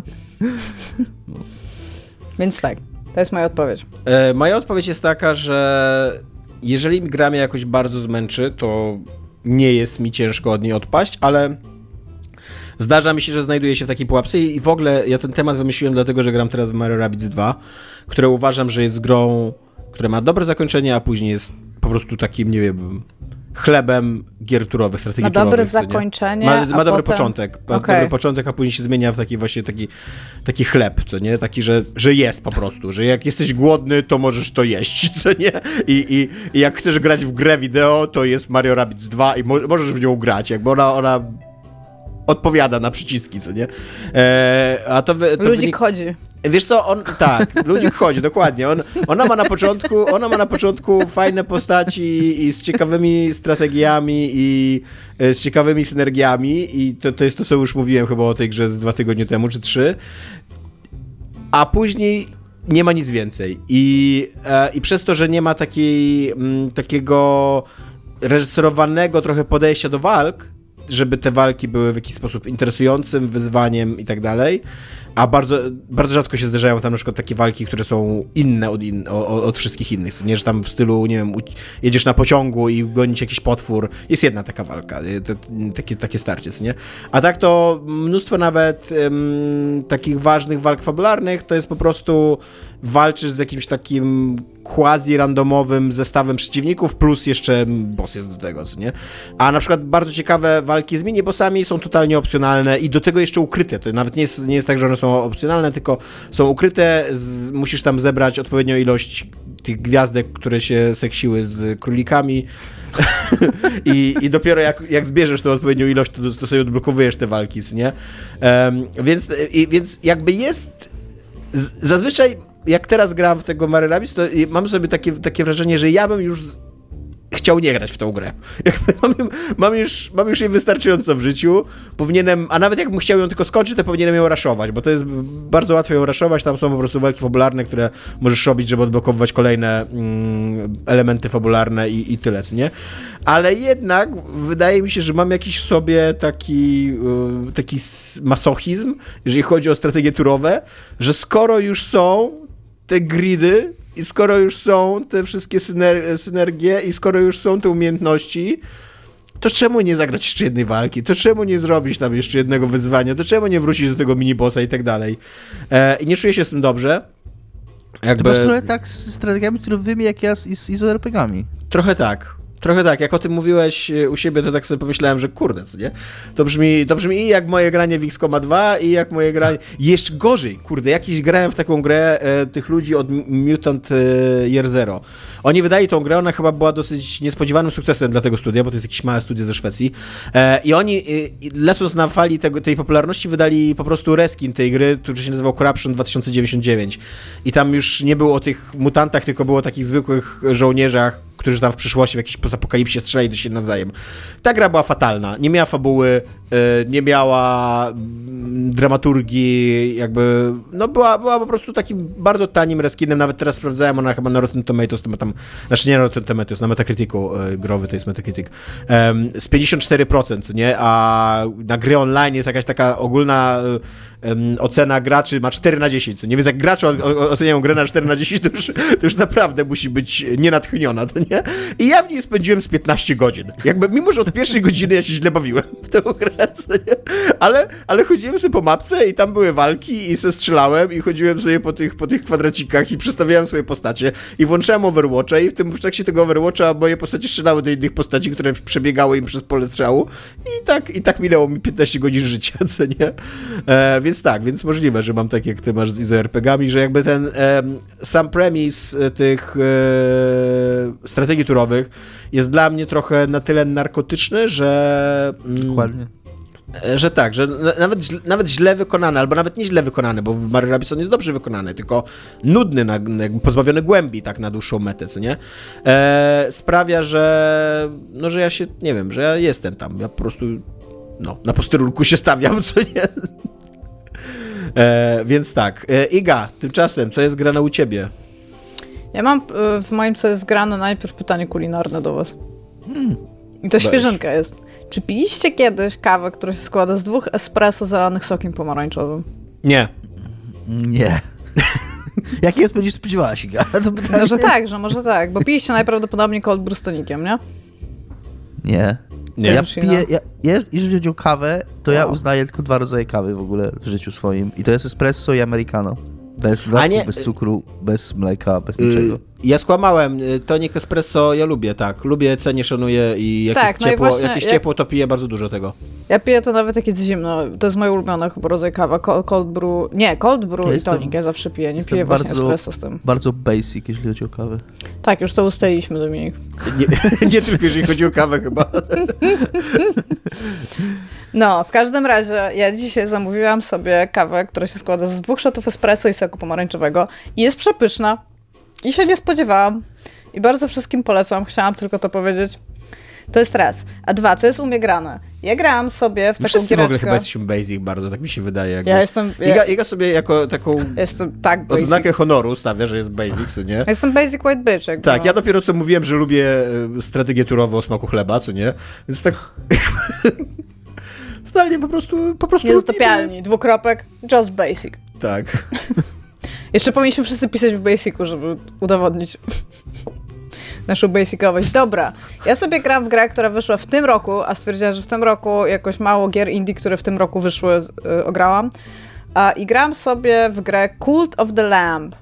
Czyli Która jest w ogóle chyba największym jagnięcia. hitem indie tego roku, co nie? E, No nie wiem, no nie jest nominowana do żadnej z, z żadnej z nagród, więc Jest. ty mi powiedz. Jesteś Jest, pewien? Bo że wiem, jest, że Neon tak. White, wiem, że Vampire Survivors, O, oczywiście, że jest. O, oczywiście, że jest. to daje. Zaraz ci powiem w jakich kategoriach. każdym Mów razie dalej, a to- ja to sprawdzę. W każdym razie e, to jest oczywiście publiszowane przez Devolvera i tutaj nikt nie miał najprawdopodobniej... Best A, Indie żadnych- jest nominowane. Tak? No to bardzo dobrze. Bardzo fucking dobrze, bo zaraz powiem dlaczego. A, a grę zrobił Massive Monster. I ona wyszła w... A wydał Devolver. Powiedziałam to A, przepraszam. chwilą dosłownie. Przepraszam. Tak I się podnieciłem, że coś wiem o tej grze. Że, powiedziałam. Właśnie. że najpierw w ogóle miałem rację z tą nagrodą, a później jeszcze wiem, kto ją bardzo- wydał, co nie? Bardzo fajnie to wyszło, bo Iga powiedziała przed chwilą, że tam, to jest tak oczywiste, że to wydał Devolver, że każdy to wiedział od razu. Proszę ja wiedziałem coś. Tak też Jestem, powiedziałam. no. jestem mężczyzną, Iga zarzuca nam, że my mężczyźni jesteśmy genetycznie nie... Nie, nie, nie, nie, Nie, to jest, to jest naukowo udowodnione. No. Jest co najmniej trzy badania na ten Ja są. stereotypom, wiem, co wydał Devolver, jakby. To bardzo ładne. To jest, wiesz, tak jak, tak jak ktoś ci mówi, że nie, sobie do nie, nie 50. słucham death metalu, a później tak, Metallica, znam to, kojarzę, co nie? znam się na metalu, co nie? Mówię, wracajcie sobie do 50, a teraz dajcie mówić y, biologicznie predysponowanym ludziom do znania się na grach. E, w każdym razie, tak jak mówię, Massive Monster, wydany przez Devolver Digital, wyszło w czerwcu tego roku i gra jest fenomenalna. To jest heroina w postaci gier, to nie jest jeszcze Slime, slime Rancher kind of heroina, ale wciąż jest to heroina. To jest, po pierwsze, to jest połączenie Don't Starve i Binding of Isaac, co już bardzo dużo o tym mówi, to w ogóle ta gra przede wszystkim wygląda jakby Clay wynajął Edmunda Macmillana od Binding of Isaac i e, o Jezus Maria, jak się nazywa? Meat Boya. E, wynajął go, żeby zrobił im grafikę. Więc to jest w stylu A mówiąc Clay, Clay, takiego 2D. Iga ma na myśli Clay Entertainment. y, Tak. Tak. Ponieważ tak, znam tak, się na tak. grach, to wiem. Jakby, ja widzę, że tryhardujesz bardzo mocno i wiem, że tak, faceci są w stanie się trochę nauczyć na temat gier i są w stanie coś na ten temat powiedzieć. Macie po prostu gorzej, żeby to, to robić, no. Jakby tylko tyle chcę powiedzieć. Jakby bardzo ładnie. e, no, e, więc gra opowiada o prowadzeniu kultu, co jest dosyć jasno już powiedziane w samym tytule. Jesteśmy owieczką, która jest złożona w sumie jagnięciem, które jest e, składane w ofierze przez e, cztery starożytne bóstwa i kiedy zostajemy złożeni w ofierze jako ostatni z naszego rodu, trafiamy dosłownie do szatana, w sensie to jest ten, który czeka, ale potem jest bardzo jasno powiedziane, nawet w achievemencie, że jeżeli jakby nasz wybór, czy chcemy z nim współpracować, to z jednej strony jest, a z drugiej strony absolutely. Więc jakby nie ma tutaj za dużego wyboru. I centralnie dostajesz e, achievement, że zrobiłeś pakt z diabłem, tam są pentagramy, są odwrócone krzyże, więc jakby to jest stricte szat... y, znaczy gra operująca ikonografią satanistyczną. I to jest od razu powiedziane. I teraz bardzo polecam recenzję Google tej gry, gdzie bardzo widać ból dupy katolików, którzy kupili tę grę dzieciom, bo wygląda cute. I tylko tyle powiem. Jest po prostu fenomenalnie super to zrobione. Anyway. E, mamy tutaj jakby dwie, dwie warstwy tej gry główne, natomiast systemów ta gra ma mnóstwo, o czym zaraz będę mówić. I teraz te dwie główne warstwy to jest zarządzanie kultem, czyli mamy taki base building resource management game, gdzie mamy kultystów, których musimy pozyskiwać w drugiej, dru- na drugim jakby poziomie gry, o którym zaraz będę mówić. I ci kultyści mają tam jakieś potrzeby. Czasami mają jakieś potrzeby indywidualne, czyli proszą nas o to, żeby wykonać jakiegoś w cudzysłowie questa, ale ogólnie e, oni potrzebują w nas wierzyć, czyli musimy wspomagać ich wiarę, potrzebują być najedzeni i potrzebują mieć dosyć czysto w tej bazie, czyli musimy ich karmić, oni po karmieniu zrobią kupę, jak zrobią tą kupę, to trzeba ją posprzątać albo zrobić im wychodek. Ogólnie rzecz biorąc, jeżeli są głodni, to trzeba im zrobić jedzenie. Żeby zrobić jedzenie, trzeba mieć z czego im zrobić to jedzenie, więc musimy mieć resursy do jedzenia. A jeżeli chodzi o wiarę, to mamy swoją świątynię, gdzie raz na dzień możemy robić mszę, ale też e, różnego rodzaju doktryny e, ob, obwieszczać jakby, że teraz nasz kult będzie taki albo taki, bo mamy wybór w tym, jak ten kult będzie, jak, jak tym kultem będziemy rozporządzać. Albo możemy robić rytuały, możemy tańczyć przy ognisku, ale też możemy na przykład zrobić pogrzeb. I oni wtedy zyskują wiarę w jakiś tam sposób, ten licznik wiary jakby wskakuje do, do góry. I jakby to dosyć szybko, ta, ta część jakby ta e, budowania bazy i rządzenia tym kultem, to jest dosyć szybkie do ogarnięcia. To nie jest super skomplikowane, natomiast to, co mi się w tej grze podoba i od razu to powiem, bo jakby to jest coś, co poz pozwoliło mi sformułować tą myśl, którą już kiedyś formułowałam w podcaście. Ta gra się nie pierniczy z jakimiś, e, jak się mówi, mnożnikami i... E, Inaczej, jak, jak Blizzard robi grę, na przykład Diablo 3, to tam w pewnym momencie zdajesz 10 milionów damage'u, bo oni po prostu nie wiedzą, co to jest balans. Ta gra ma wszystko na przykład, będziesz zdawał 1,2 więcej czegoś, albo musisz zdobyć 2 czegoś, nie 20, nie 200, 2. I jakby bardzo lubię tego typu systemy, bo widać, że oni wiedzą, co oni robią. W sensie widać, że ten system jest dobrze zaprojektowany, bo nie muszą wszystkiego mnożyć razy 10 albo razy 100. Więc dosyć łatwo jest tym wszystkim zarządzać. I teraz Druga warstwa tej gry to jest taki dungeon crawler. Przychodzimy, naszym zadaniem jest, takim wewnętrznym w grze, wypuścić tego, te, tego, który czeka, czyli tego naszego pana, któremu my służymy, my jesteśmy jego prorokiem, to my musimy pokonać te cztery starożytne bóstwa, które go uwięziły. I one mają cztery landy, jakby swoje, to one się różnią zarówno resursami, które można z nich e, pobrać, jak i estetyką. Plańsy, I- słampy, mountainy, islandy. E, Forest. Pierwszy to jest taki plain, drugi to jest taka bardziej pustynia, bo to odpowiada głodowi, bo oni nie dość, że są czterema prawdopodobnymi bóstwami, to też odpowiadają odpowiednio czterem plagom, jakby. Więc tak, trzeci jest podwodny i to jest taki bardziej eldritch horror, że tak powiem. Więc nie wiem, no to ona czerpie z bardzo wielu takich wyobrażeń na, na temat pogańskich, złych bóstw. A oprócz tego jest fucking cute, po prostu jest, jest po prostu cute, jest, wszystko co się dzieje jest super cute tam. No, no i przychodzimy tam i tam mamy generowane levele, takie jak w roguelike'ach i tutaj bardzo Binding of Isaac przychodzi do głowy łącznie z yy, zaprojektowaniem po prostu przeciwników i ich ataków. Jak się dużo, dużo grał w Binding of Isaac, to można często jeden do jednego po prostu powiedzieć, a to jest ten typ, a ten typ to jest ten typ. I po prostu tak strategicznie do nich podchodzić. I to polega na tym, że przychodzimy sobie, wchodzimy w jedne z czterech drzwi. One są po kolei pootwierane, więc nie jest tak, że może, mamy super duży wybór na samym początku. I przechodzimy tam cztery razy cały świat, który jest tak, e, wybieramy sobie, jest taka po pierwsze drabinka tego, jak przechodzimy przez pojedynczy level, a potem dostajemy taką drabinkę jak w mm, Slay the Spire, czyli którędy będziesz iść i jakie na twojej drodze będą encantery jakby, tak? Czy tutaj będziesz walczyć, czy na przykład zdobędziesz tam nowy jakiś trinket, tak? Więc przechodzimy to i kiedy cztery razy przejdziemy jeden level, podchodzimy do bossa. Jeżeli już jesteśmy daleko dosyć w tym levelu, to ten boss może mieć jakiś wpływ na to, co się dzieje z naszymi kultystami w bazie, czyli na przykład może na nich rzucać głód. Jak wrócimy, to oni będą strasznie głodni i trzeba będzie ich nakarmić. Albo może sprawić, że oni będą chorzy. I wtedy trzeba ich wysłać, nie mogą wtedy pracować ani się modlić, tylko muszą iść spać na przykład na trzy dni. Albo jeżeli mamy wybudowany budynek yy, tam medyczny, to będą się leczyć od razu. I tutaj a, no i tam zbieramy też resursy. I teraz wchodzi milion więcej systemów, bo jest tam i phishing minigame, który jest jednym z najlepszych phishing minigame'ów w ogóle w grach, tak to be honest. Jest super szybki, mega szybki feedback, realnie ma sens w świecie tej gry i jeszcze przynosi ci jakby meta nagrody. Plus bardzo dużo postaci w tej grze. Tam jest jeszcze taka minigra w kości, gdzie znajdujesz w dungeonach ludzi, którzy będą z tobą w nią grać. Jak potem tam przyjdziesz, jest taka mini wioska ludzi grzybów, gdzie musisz przynosić grzyby. Jest po prostu, każdy resource tam ma jakąś historię i ma ludzi za to odpowiedzialnych, więc tam naprawdę bardzo dużo w ogóle takiego systemowo-narracyjnego myślenia w ogóle w to weszło. I przy okazji ta gra od jakby zaznacza wszystkie punkty na takim skinnerowskim, e, takim stricte skinnerowskim e, tym e, checkliście. Na zasadzie nie wiesz, jaką broń wylosujesz na samym początku, więc dobrze będzie zainwestować w, podczas ceremonii w twoim kościele w fakt, żeby te bronie były jak najlepsze.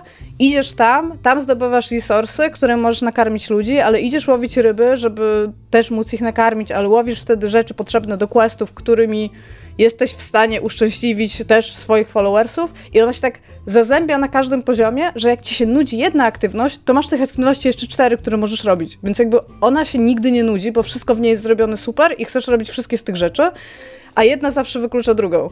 Więc musisz jakby bardzo oscylować pomiędzy czynnościami, które robisz w danym momencie w grze, a, ta, a tam jeszcze mija czas, więc jakby ci twoi poddani, znaczy followersi, jak się mówi, Poddani, wierzący w ciebie. A a... Poddani wierni. Znaczy, no, wierni, twoi, o, wyznawcy, wyznawcy najlepiej. Twoi wyznawcy też się starzeją i umierają i ty na przykład musisz wybrać, czy twój kult będzie wierzył w fakt, że ich należy poświęcać, albo czy będziemy ich zjadać, albo czy będzie... Bo ta gra jest w ogóle też strasznie brutalna, wszystko, co tam się dzieje. Tam są normalnie takie rzeczy, że jak robisz rytuał, to wszyscy zakładają takie kaptury, jak, jak tacy, wiecie, kultyści po prostu. I tam, nie wiem, na przykład właśnie ktoś y, popełnia rytualne samobójstwo i tam właśnie tam jest krew, albo robi się wielkie ognisko i wszyscy dookoła tańczą. I ona w ogóle nie stroni od czegoś takiego, tylko to wszystko jest po prostu fucking cute. A powiedz... Ja jestem zachwycona. Od, od przedwczoraj wsadziłam w nią 11 godzin, więc dosyć długo w nią grałam. I jestem mniej więcej, jestem przed trzecim bossem zaraz ale domniemam, że z tym ostatnim bossem też się walczy, mam takie wrażenie nikłe. Plus ma wszystkie te hooki roguelite'owe, czyli jeżeli przejdziesz ten jeden dungeon, to możesz tam wrócić, tam będzie inny boss i z niego są artefakty różne. Stąd domniemam, że to, te dungeony trzeba przejść przynajmniej po dwa razy każdy, a właściwie to trzy, bo jeszcze możesz z ostatnim bossem walczyć w jego zmienionej formie. Więc ja już jestem tak podjarana, ja w ogóle wszystko, ja mam zamiar rozmaksować. Jest po prostu fenomenalnie dobra ta gra. Co mam ci A powiedzieć? Powiedz mi tak, bo to jest gra, która łączy jednocześnie jakieś takie social games, tak, z zarządzaniem swoją wioską i e, hack and slashem i to mnie zawsze budzi we mnie jakieś takie wątpliwości, że ten hack and slash jest dobry, skillowy i wiesz, daje satysfakcję. Czy to jest taki na odwal się po prostu, że tam... Nie, nie jest na odwal się, ale nie jest to Binding of Isaac. Nie, nie, jakby nie jest to to jest bardzo tight hack and slash, a właściwie dungeon crawler, crawler w typie właśnie takim roguelike, roguelike'owym Binding of Isaac, tak stricte jeden do jednego. Natomiast nie jest tak jakby tight jak Binding of Isaac, ma troszeczkę mniej zmiennych, które tam są. Ona ma dużo systemów, ale nie ma tak wielu systemów jak Binding of Isaac. Aczkolwiek mi się w to gra fenomenalnie i jeżeli umrę na jakimś bossie, to wiem, dlaczego to się stało. W sensie, bo tam masz buildy, które sobie normalnie robisz. To są bardzo uproszczone buildy, ale sobie robisz buildy za każdym razem, kiedy tam wchodzisz. Bo na samym początku zawsze ci losuje broń, taką mele oraz broń na dystans. I te, one są bardzo, one są naprawdę bardzo różne. Masz e, nie dość, że te bronie mają różne rodzaje, czyli na przykład tam masz powiedzmy topór, miecz, sztylet, rękawice i one, tak jak w Hadesie, one mają, każdy troszeczkę inaczej się tym gra. Plus masz różne rodzaje e, tych e, no, projectili, tak? Jakichkolwiek byśmy je nazwali. Możesz strzelać dosłownie nimi, ale też ściana ognia, powiedzmy, też istnieje, tak? Jako projectile, coś, czym atakujesz tam z daleka. Masz e, różnego rodzaju karty tarota, które ci dają bierne e, zdolności, a też wpływają na fakt, jak grasz albo jakie resursy zbierasz. Plus masz dosyć dużo, w cudzysłowie, sekretów na tej swojej ścieżce, że na przykład stwierdzasz, dobra, nie pójdę się teraz bić, więc będę siłą rzeczy mieć mniej resursów, ale na przykład spotkam postać, która potem trafi gdzieś do wioski albo w okolicy wioski i ona przyniesie mi jakby postęp w jakimś innym innym równolegle prowadzonym systemie, tak? Więc jakby wszystko to jest znaczące i to jest super właśnie, że oni bardzo dużo wsadzili w fakt, żeby ci się chciało w nią grać i cały czas coś odkrywać. Nie, no jest ja fenomenalna ogóle... ta gra. Jak na razie to jest takie naprawdę mocny, mocny 10 na 10 dla mnie. A grasz na Switchu czy na czym? Mocne 10 na 10? E, na PC gram teraz. Nice. Mocny, na, tak naprawdę, jak, jak osta- ja, jest, ja byłam ostatnio chyba tak wciągnięta w Celest i w Return of the Obra Dinn i Cult of the Lamb... W Hadesa nie byłam tak super wkręcona, bo Tamek był super wkręcony w Hadesa, więc... Na złość mu się nie wkręciłaś. Nie, plus wiesz, ja mam jakiś taki patent, że za każdym razem jak ja przechodzę takie super skill-based games, to na przykład ja nie zmieniam broni w Hadesie, dopóki nie przeszłam jej on ma miecz na samym początku? On coś tam ma na samym początku. I ty go nie możesz upgrade'ować, dopóki nie podniesiesz innej broni. Nigdy nie podniosłem innej broni. Ja stwierdziłam, że ja najpierw przejdę tak. Więc jakby ja sobie trochę na złość zrobiłam z Hadesem. Tutaj ta gra nie daje mi zrobić na złość, bo ona ci nie daje wyboru, ona ci losuje coś na samym początku i potem masz różnego rodzaju wybory w trakcie każdego rana. No takie w Binding of Isaac tutaj stricte. A że jestem wielką fanką Binding of Isaac, bo dla mnie to jest chyba najlepszy roguelike wielu ostatnich lat i moim zdaniem Binding of Isaac jest dużo lepszym roguelike'iem niż Hades. Od razu powiem. Nie fabularnie, tylko gameplayowo jakby. No to jak zobaczyłam Cold of the Lamb, które nie dość, że ma w sobie Isaaca, to jeszcze ma właśnie Don't Starve w sobie na przykład, ale takie trochę uproszczone, nie jest takie złośliwe jak Don't Starve, to ja, ja po prostu no, wsiąkłam. Mnie, mnie, nie było. Plus jest, jest po prostu wszystkie animacje i wszystko, co się dzieje, to było widać od pierwszego trailera, że ta gra jest po prostu tak przeuroczo śliczna, naprawdę ona tak dobrze wygląda. I Jednocześnie, jest... będąc przeuroczo śliczną, jest skrajnie obrzydliwa. Tak, i to jest, to jest moja estetyka. Plus jeszcze ka katolikom się nie podoba, więc jakby gdzie mam jeszcze podpisać bardziej się pod, pod, pod tą grą, nie? Krwią, nie, no jest, na cyrografię. Jest, dosłownie tak, jakby to jest lepsza gra o biciu demonów niż Doom. Literally. Nie, nie wiem, co mam powiedzieć, to jest tak dobra gra. Słowa. No, ej, wczoraj siedziałam z ziomeczkami, którzy oglądali jak ja w to gram, bo byli super jej zainteresowani i jeden z nich jest super fanem boomer shooterów, ale tak naprawdę on siedzi i napiernicza w, w boomer shooterach, chyba każdy wie, jak mocno kocham Duma. I siedzieliśmy i oglądaliśmy jak ja w to gram i on był tak zachwycony każdym jednym systemem, który pokazywałam, że realnie uznaliśmy, że to jest lepsza gra o biciu demonów niż Doom.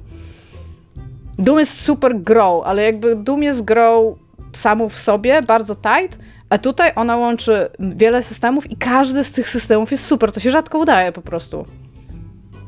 Aczkolwiek, jakby, jeżeli chodzi o innowacyjność tej gry, no to centralnie jak grałeś w Binding of Isaac i grałeś w Don't Starve i tego typu jakby tam, no to widać, że to jest po prostu najlepsze, co powstało do tej pory, bo wzięło ilość pomysłów razem, tak? I, i wtedy to działa.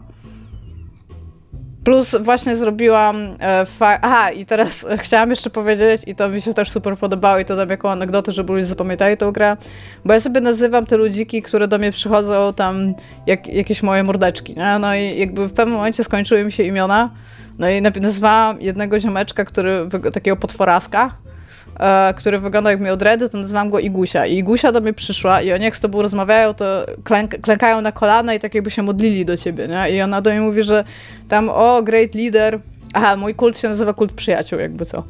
A jakby ona mówi, o Great Leader, mam jedno pragnienie, bardzo, bardzo proszę, żeby się spełnił. Ja się tak patrzę i mówię, dobra, mów Igusiu, co tam? I ona mówi, że ona bardzo chce zjeść miskę kupy. I potem miałam centralnie jako śledzenie, że tam e, let Igusia eat i było bez a, tylko let Igusia eat bowl of poop. Jest to jak, dobra, masz takie pragnienie, jakby kim jestem, kim jestem, żeby ci mówić, że nie możesz, nie? I zjadła jeszcze. Na screenach wyglądało jakby strasznie smakowało. Dam te screeny w opisie, bo mam je. Nie, jestem zachwycona. Jakby jeżeli mogę komuś polecić coś pod choinkę na święto, na Sylwestra, tam whatnot, to naprawdę Cult of the Lamb, po prostu full force. E, ona też nie jest super długa, bo ja mam w nią, tak jak mówiłam, tam z 10 godzin z hakiem. E, jak wydaje mi się, że tak jak mówię, jestem w trzech czwartych. Jeżeli mam też wrażenie, że być może ten ostatni boss, w sensie ten, którego wyciągamy tam z piekieł, też będzie chciał się z nami bić, bo tak mam wrażenie, że działają po prostu tego typu gry. A, aczkolwiek jakby mam wrażenie, że jestem literalnie w trzech czwartych, bo już mam tak w miarę wszystko obcykane, już tam przychodzę do tej wioski, daję te msze, przyjmuję tam spowiedzi i składam czasami ludków w ofierze, którzy chcą, ale teraz będę brać ślub, bo właśnie zrobiłam śluby i jeden z ziomeczków mówi, że bardzo chce się ze mną ożenić. Ja mówię jakby okej, okay, why not? Więc e, to będzie wydarzenie moje. Ale jestem uzależniona, naprawdę. Jakby ona ona ja. ma tyle tak dobrze zrobiona, 11 tak godzin, szybko leci czas. 3 dni, co ty wiesz o... Dwa dni.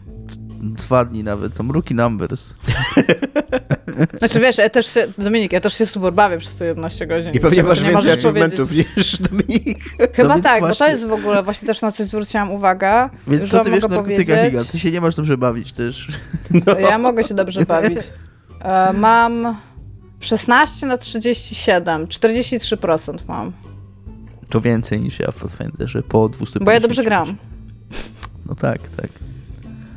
Muszę teraz nakarmić moich kultystów kultystą i wtedy dostanę jeszcze jeden. Jest fenomenalna ta gra, naprawdę. Nie no, jest, jest naprawdę super. Jeszcze możesz mieć ziomeczka, który na przykład twierdzi, że będzie mm, jakby...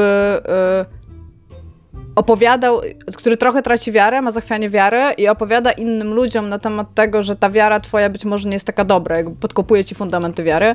I on ma taki mały megafon i chodzi i mówi, że tam o, i ma takie czerwone oczy i mówi, że tam ta twoja wiara jest niedobra. I twoim rozwiązaniem to jest wsadzić go do więzienia i on jest w takich dybach wtedy takie kochane zwierzątko jest w dybach i ma takie złe oczy, że jest w tych dybach. I ty codziennie musisz przychodzić, jak mnie, z każdym, z każdym nowym dniem przychodzisz i musisz go reedukować, więc stoisz z tą Biblią swoją i mu czytasz i on jest tam a, a potem jest uśmiechnięty na koniec. I jak kto inny koło niego przechodzi, to się z niego śmieje. Pokazuje na niego, na pa palcem i się z niego śmieje. No po prostu jest tak fenomenalnie dopracowane nawet w takim najmniejszym szczególe, no. Super jest, naprawdę polecam się, bo bo możesz do więzienia ludzi wrzucać, więc tam od razu... Yeah. Jednego wrzuciłam i e, reedukowałam go. Dobra, tymczasem wracamy do naszego tematu głównego. E, co to A jest, jest teraz w promocji jakby co ta gra co to jest dobry początek dla was gry? Czy wolicie wskoczyć od razu w środek akcji, czy powolne budowanie napięcia? E, ja mam, e, może pierwszy odpowiem na tą grę, na, to, na, na odpowiedź, na to pytanie. Może pierwszy odpowiem na to pytanie, o tak. To jest... Jakby, miałeś trzy rzeczy. Tam jest Dominik, gra, Dominik. jest pytanie i jest odpowiedź. Chciałbym ci przypomnieć, jakie ty zdanie dzisiaj powiedziałeś, więc...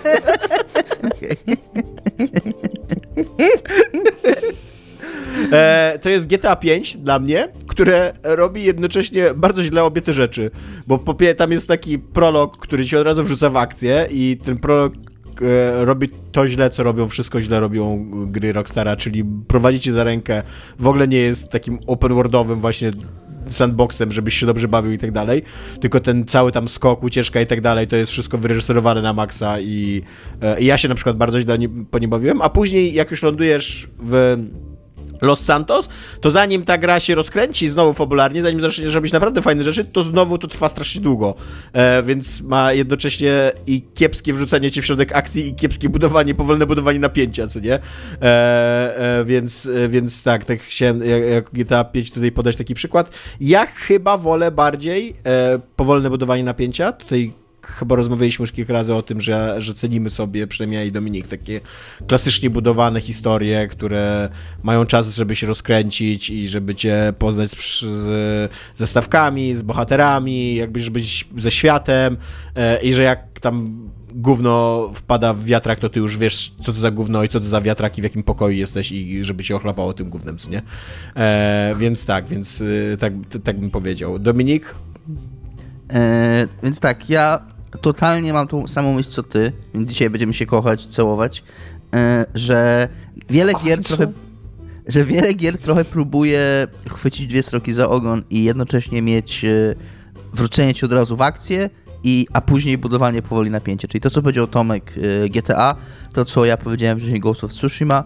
Jeszcze podobnym przykładem jest dla mnie Assassin's Creed Origins, nie, Odyssey, to w Grecji, które robi swoją drogą podobną rzecz jak Ghost of Tsushima, czego też strasznie nie lubię, czyli gra otwiera się z taką reżyserowaną sekwencją bitwy, która nie ma żadnej stawki. Po prostu biegniesz ludzikiem, naciskasz guzik, tam jest pełno mobków i one umierają i to ma niby, to niby cię wrzuca od razu w środek akcji, tylko ta akcja to jest taki po prostu taka całkowicie miałka, pozbawiona jakiejkolwiek y, dramaturgii, pozbawiona jakiejkolwiek, tylko o, bitwa, więc ważne rzeczy się dzieją. I pokazują ci tę bitwę, to jest swoją drogą bitwa pod termopilami i tak dalej, Leonidas tam, this is Sparta and shit, więc tam, tak This ten, is Sparta and shit. a później, I go kopię. tak, coś takiego. A później yy, się super powoli zaczyna i, i próbuje być taką.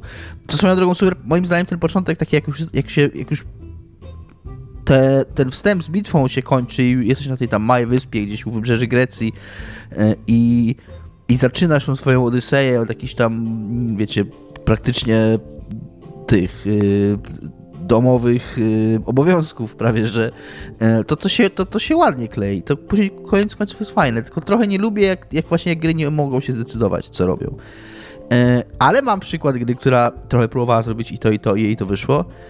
I jest to Fallout New Vegas, który zaczyna się bardzo wybuchowo, bo zaczyna się śmiercią w ogóle głównego bohatera, który po takim no, przemowie tam głównego złego dostajesz kulkę w, w głowę i zostajesz zakopany w grobie i z tytułu gry się pojawia. Czyli no tak, tak naj- najbardziej wybuchowy początek prawie, że jak można sobie wyobrazić. Po czym ty wychodzisz z tego grobu i tam... Widziałeś kiedyś początek Mad Maxa 2?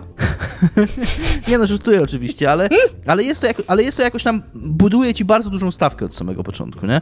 Po czym jak z tego grobu wychodzisz, to masz czas jednak się zanurzać w tym świecie i robić wszystko od nowa, odkrywać kim ty Jeszcze jesteś, wychodzisz, odkrywać. wyciągają cię z tego grobu. To też nie Wyciągają jest tak, tak, że tak, tak, tak. wstajesz i o, idę się zanurzyć w ten piękny świat. No ale, ale jakby zaczynasz od zera później i, i dowiadujesz się, co w tym wszystkim chodziło.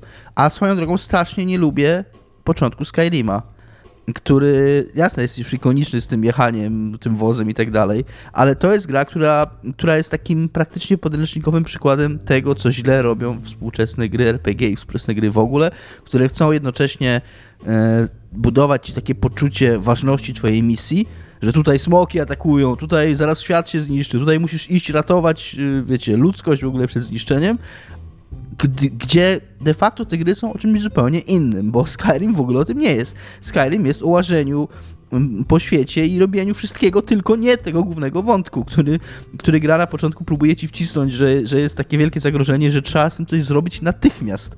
Gdzie wszyscy, którzy grają w Skyrima wiedzą, że ta gra jest fajna, jak właśnie jak tego nie robisz. Jak, jak po prostu chodzisz sobie po świecie i moim zdaniem ten początek Skyrima jest fatalny pod tym względem. On Ja muszę zupełnie, tylko tak tutaj zupełnie nie przystaje do tego, czym jest ta gra. taki feeling, że Bethesda bardzo nie umie pisać gier. Mamy tu jeszcze takie Chyba pytanie, nie już Rewiata. o tym na antenie. Tak mi się wydaje, Mamy tu ale pytanie, jakby- ja mam, py, mam pytanie, e, które Tomek ominął. Jaka kiepska gra Ale ja jeszcze obiekt- nie odpowiedziałam. Okej, dobrze, przepraszam. Okej, chciałem bez... Może to nie jest czas na dygresję, masz rację. Więc to są moje odpowiedzi. Nie wiem, czy odpowiedziałem na to pytanie, ale podałem tytuł jakiś gier i coś tam pogadałem. No bo ja się chciałam pokłócić z samym pytaniem, Okej. jeżeli mogę. Pytanie, Bo jakby- pytanie jest martwym tak napisem po prostu zeszkami na ekranie. Nie może ci odpowiedzieć Iga. Dobrze, ale ja, ja powiem o co mi chodzi, nie?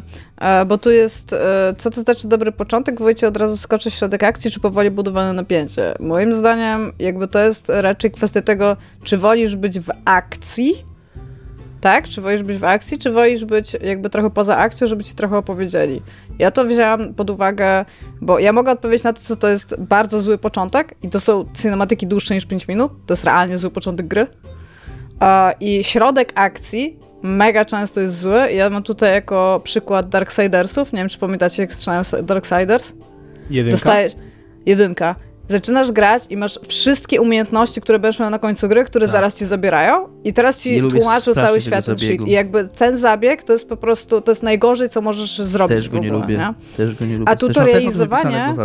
Tak, a tutorializowanie rzeczy w samym środku akcji też nie ma sensu. Dlatego, że przez to, że tutorializujesz y, rzeczy w samym środku akcji, to wiadomo, że ta akcja będzie bardzo gówniana, bo ten gracz jeszcze nie umie w to grać. Więc jakby tam nie możesz to zrobić... jest moje nowe, najbardziej nienawidzone słowo, które wymyśliłaś. Tłumaczenie, uczenie. No ale w każdym razie tworzenie... Y nauki, posługiwania się tą grą w trakcie samej akcji nie ma sensu, bo to jest to, co powiedział Dominik. Wsadzamy cię w środek bitwy, ale ty też nie wiesz, jak masz cokolwiek robić, więc teraz będziemy cię uczyć w tym kontekście. To, to, nie, to po prostu rzadko kiedy wychodzi, bo to nie o to chodzi, że ma, jakby, żeby tak to robić, tak? I jakby moim zdaniem to, co jest bardzo kluczowe, to jest od razu wprowadzanie gracza w gameplay i pokazywania mu, co się dzieje przy jednoczesnym uczeniu go tego, co on będzie robił w danej grze. I jakby dlatego bardzo często te prologi są takie gówniane, bo ktoś nie myśli początkiem gry jako o początku uczenia systemu gro, gry, który się łączy zarówno z opowiedzeniem o świecie, tak, o w ten sposób, i opowiedzenie o mechanizmach, które będziesz miał w grze, tak? Jest taki te... sztandarowy przykład, który był wielokrotnie przeze mnie przywoływany, ale powiem teraz jeszcze pierwszy God of War ten naprawdę na pierwszy God. No tak, na nie, przykład. Który miał to fenomenalnie zrobione. Tak, i właśnie to, co ja bym tutaj chciała powiedzieć, to jest też w ogóle taki patent i to jest też to, e, co moim zdaniem jest nadużywane przez blockbusterowe gry i to jest bardzo długie intro do gry, które w ogóle jest totalnie niegrywalne i nawet jeszcze nie widzisz głównego bohatera na ekranie bardzo często, czyli jakieś takie opowieść o świecie albo coś takiego i ty jeszcze nie wiesz, kim ty jesteś. Ty nie masz zielonego pojęcia, co się dzieje, ale możesz odłożyć pada na 20 minut, bo właśnie włączyłeś grę. Zapłaciłeś 370 zł, żeby nie grać w grę od razu po tym, kiedy ją włączysz. Wszystkie gry Hideo Kojima oczywiście mają ten problem. E, z czego największy ten problem ma gra Death Stranding, która nie dość, że się zaczyna od tam cutscenki na cutscence, to jeszcze, jako że jest grą o chodzeniu, to na początku nie potrafisz chodzić. Jakby twoja postać nie potrafi chodzić, więc masz bardzo, bardzo słaby, bardzo irytujący e, gameplay, przerywany bardzo długimi cutscenkami, co nie? Co jest w ogóle takim... Mm -hmm. e, Ale szczytem, jeżeli chodzi o, o upierdliwość rozpoczęcia danej gry, co nie? Ale jest to trochę paradoksalne, bo mam tu też wynotowane jako taki luźną myśl tytuł gry Metal Gear Solid 1, która mm, no trochę stworzyła współczesnego Kojimę. Nie powiem, że to jego pierwsza gra, bo to nie jest jego pierwsza gra, ale taka powiedzmy pierwsza nowożytna gra Kojimy. I akurat Metal Gear Solid 1 miał bardzo dobre otwarcie. Nie zapominajmy o starożytnych grach Kojima, szczególnie z okresu e, późnej dynastii. E, miał, tak, to prawda, że miał bardzo dobre. Tylko, że on miał. E, ja nie wiem, czy to jest dobre otwarcie tak designersko. To jest do, świetne otwarcie nastrojem i fabułą i tak dalej, nie? E, a. No nie wiem, no jakby ja nie, nie, nie specjalnie lubię grać w ten sam początek y, MGS 1. Natomiast y, jeżeli jesteśmy już przy dynastii Kojimy, to. Y, mam takie, tam dalej jest takie pytanie, więc teraz będziemy na nie odpowiadać. Y, najlepszy początek w słabej grze to jest MGS5, który ma fenomenalny początek. Tam w tym szpitalu, który płonie i tam się szczela i, i ucieka i czołga się i tak dalej.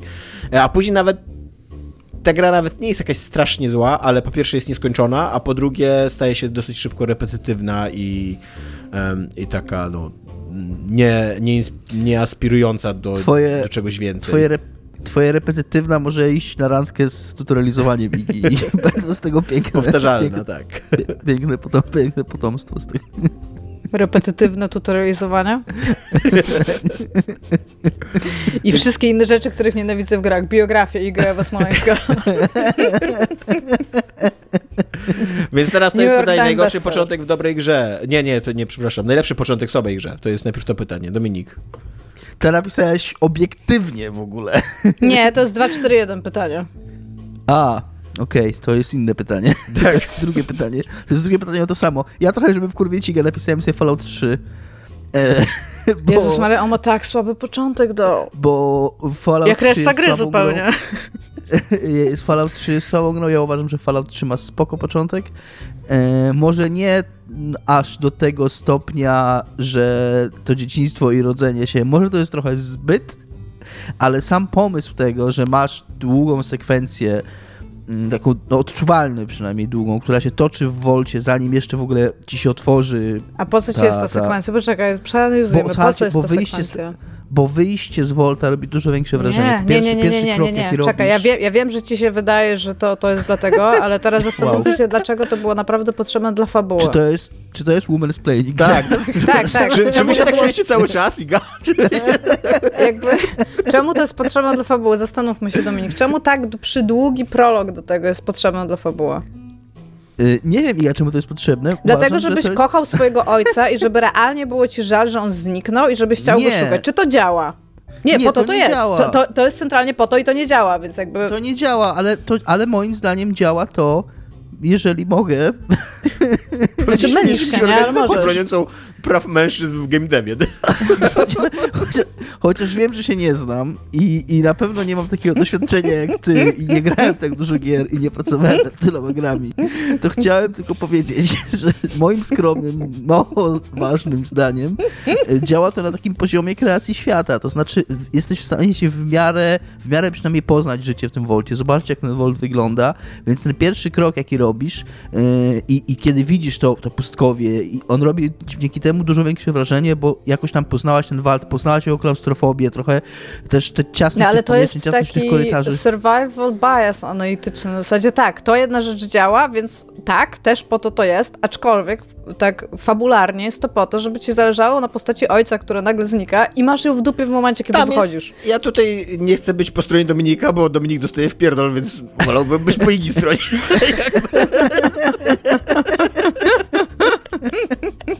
ale, ale muszę się zgodzić z Dominikiem, że na przykład tam jest dosyć sprytnie umieszczony kreator postaci. Może nie tak, sprytnie, nie, jakby- nie, nie, jak- jakby, nie tak. Nie, jest, jest to na pewno coś, co, wypróbu- co spróbowali. Jakby tak, tego im nie odmawiam. Chcieli tutaj zrobić coś innego, zrobili coś innego. Tak, zrobili ten goat test, jakby pokazali mniej więcej, jak to tam wygląda w tym wolcie, aczkolwiek to, że ty tam dostajesz pierwszą wiatrówkę w tutorialu od ojca, to, że on do ciebie mówi, Dobrze. to, że ci pokazuje tą książeczkę special, to, że cię zamyka, ale potem zaraz cię bierze na ręce, to to wszystko ma być po to, żeby ta postać ojca była ważna, bo go szukasz przez całą resztę gry, kiedy Dobra, on Iga. zostawia na stolikach wiadomości sam do siebie, że ma nadzieję, że nikt go nie będzie szukał w tym i tym miejscu, nie? I jakby Jak to jest to bić- the game. Trochę jak się chce bić, bić, ale jakby To teraz trochę, wyjmę trochę, ja, trochę nie chcę cię, wiesz, nie chcę ci zrobić krzywdy, nie? wyjmę Na ja teraz facetów się nie podnosi ręki, tak słyszałam. powiem. Mama mnie uczyła. Wyjmę teraz drąga, pałę, że tak powiem i powiem O, ci tak. okej, let's go. Czy, czy uważasz, że te jaskinie po wyjściu z Volta w Falloutie 1 i ta świątynia w Falloutie 2 to są lepsze openingi do gier RPG niż to, co zrobiła Bethesda w Falloutie 3? Myślę, że w Falloutie 1 opening jest bardzo dobry. Te Myślę, szczury, że- te jaskini? No tak, no musisz z niej wyjść, masz szczury. Myślę, że w Falloutie 2 ten początek, no to jest bardzo klasyczny RPG. Myślę, że w Falloutie 2 ten początek e, jednak kuleje w stosunku do tego, co jest w dalszej części gry.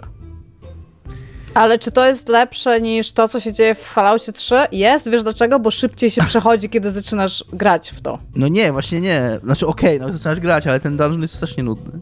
Tak, ale jakby zaczynasz w to grać na przykład trzeci raz. Czy myślisz, że rodzenie się w wolcie i cały też- ten długi, przydługi prolog jest fajny, jak zaczynasz w to grać Też jeszcze przy raz? okazji ta stawka w Falloutie 2, że tam musisz znaleźć tego McGuffina tutaj, tą magiczną walizeczkę, to też jest takie tam... Nie, najpierw musisz znaleźć Wika. Hello? No, Hello? po to, żeby znaleźć Geka, no. Wik tak dopiero ci mówi o tym, że tam, znaczy, tak, Nie, Garden of Eden Creation Garden Kit, of Eden Creation ale on ci dopiero mówi, co masz, co ma, gdzie masz tego szukać, No, ale twoim też jest pierwszym takie, że tam celem znalezienia jest średnio mi na tym zależy. Jakby... Tomek to Ktoś też- mi mówi, że coś trzeba się- znaleźć na pustyni. No i na pustyni, to, to co się dzieje na tej pustyni, to, to, to jest dużo ciekawsze niż to, że ja muszę coś znaleźć na tej pustyni. Jest na pewno ciekawsze ratowanie swojej wioski, w której ten, niż ratowanie swojego ojca. Dyskusyjne. Ale też Tomek musimy przyznać, że my się generalnie nie, nie znamy i... Tak, no jesteście tak, biologicznie predysponowani do faktu, żeby znać się na grach. Jakby spójrzcie prawdzie w oczy. Możecie się ładnie uśmiechnąć teraz tam jeden. CD Projekt powinien jakąś taką, jakieś takie stypendium tylko dla facetów e, obwołać, żeby, żeby ich uczyć game devu, żeby wyrównywać szanse. Powinni, no, powinni. Tak. E, Iga, e, czy poza napierdzielaniem w Dominika masz jakąś odpowiedź na to pytanie? Najlepszy początek w słabej grze? ja bym chciał jeszcze powiedzieć, Najlepszy że Prey, początek Prey ma dobry początek, Mam jest Prey, beznadziejnie mam Prey na Tak. liście, bo Prey ma naprawdę Trochę fajny początek. Bez- Dzisiaj bez kitu, oglądałam godzinę pierwszą gameplayu Preya, w sensie tego, jak się ta gra zaczyna i to jest naprawdę spoko początek. On ci mówi mega dużo, I to jest naprawdę słaba ładny. gra. Tak, a potem ta gra się rozsypuje po prostu. Ta gra cię oszukuje, Kurde, ale to ona ma tak super dobry golden hour. To jest właśnie, to, jest, gra, tak- która ma to naprawdę jest tak fajny dobra odpowiedź. golden hour. I mam, tu, mam tutaj jeszcze No Man's Sky na premierę. Też ma bardzo super początek w stosunku do tego, co później się dzieje w tej grze. I mam tutaj sam począteczek e, rozczarowania roku w roku, kiedy wyszedł naszego, czyli God of War'a. Tego nowego God of War'a. Bo Tego nowego, początek, nowego, najnowszego, tak? tak, ten, on sam początek, to, że oni tam mają jakieś e, decyzje artystyczne na temat jednego kadru, ma dobrze napisane dialogi, tam ścinasz to drzewo, które się potem robi 40 razy mniejsze, potem jak już je zetniesz, bo to jest potrzebne, żebyś mógł je nieść. I wszystko, co się z tym wiąże, to to jest ładne wszystko, A nie, to potem tego nie, nie najnowszego, tylko tego trochę starszego. No nie Ragnaroka, tylko No. God of War, nie? Dobra. On 2018 wychodził, Chyba tak. powiedzieć? Ja bym w ogóle No. chciał ci tu na marginesie powiedzieć, że y, dopiero dzisiaj się dowiedziałem od ciebie, że pierwsza godzina taka sprzedająca grę to się nazywa Golden Hour i chciałem ci powiedzieć, że to jest bardzo zła nazwa. Znaczy to nie jest twoja wina. Znaczy Golden Hour to jest to, to jest zaciąg... Znaczy ja nie Tak. wiem, czy tak to się nazywa, ale to jest to z fotografii. Tak, dokładnie, Że- to jest, tak. bo to ma zupełnie inne znaczenie. To jest, przeczytam teraz w Wikipedii, w fotografii pora dnia po wschodzie oraz przed zachodem słońca, w której Tak, występuje szczególne oświetlenie. Słońce emituje wtedy charakterystyczne światło w złotym odcieniu. Tak, tak, no Golden Hour jest z fotografii, ale jakby tak, to Jak ktoś bierze wyrażenie i zmienia jego znaczenie i uważa za swoje własne, to to jest bardzo mylące. nie?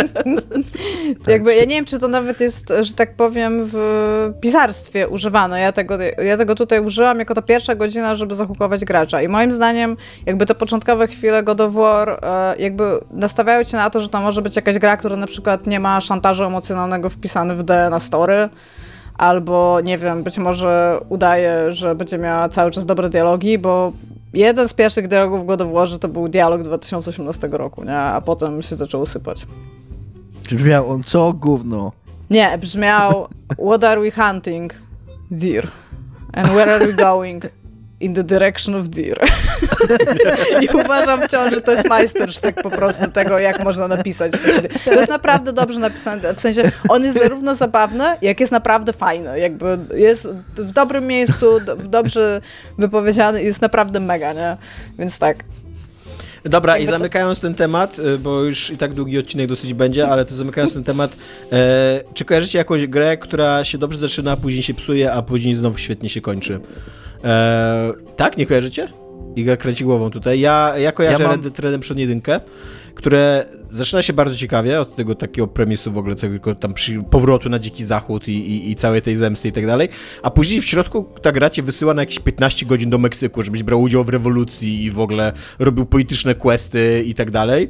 I dopiero jak wrócisz z tego Meksyku, to znowu ma sens ta taka osobista stawka i, i jest to genialne tam kultowe zakończenie, co nie, tej gry. Więc ten jakby, ten cały, cały, cały Meksyk to jest jedna trzecia gry mniej więcej. To w ogóle, to jest coś, co można mogłoby być DLC, można by było wyciąć z tej gry i przy okazji, jako że ona trwa tam pewnie 788 godzin, co nie, to byłaby lepsza ta gra. Jedynka? A tam A to nie trwa nie jest jedynka? jakaś- Wydaje mi się, że... No, wydaje mi się, że jedynka jest krótka właśnie. Chociaż masz szansę, kiedyś, robi, kiedyś robili normalne open worldy, nie tak jak dzisiaj. To nam się wydaje, że ona była coś Tak. długa, to pewnie było 25 godzin, nie? bo, bo wtedy to była długa gra. Googlam, ile to trwało. No ale w każdym razie tak, moją odpowiedzią jest ten Meksyk, co nie tam...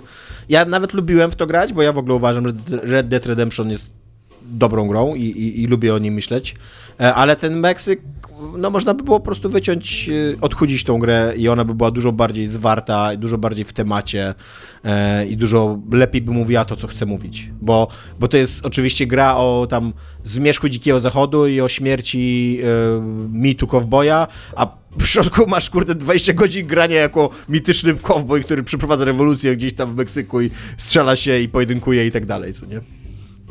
Dominik?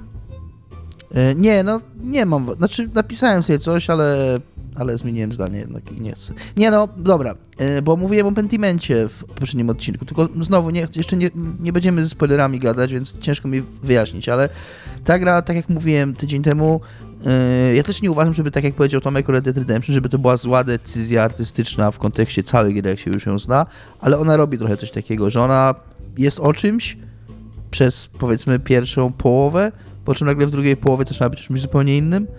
E, i, i, i przez długi czas jest, jest tym czymś innym, jest dużo mniej ciekawa.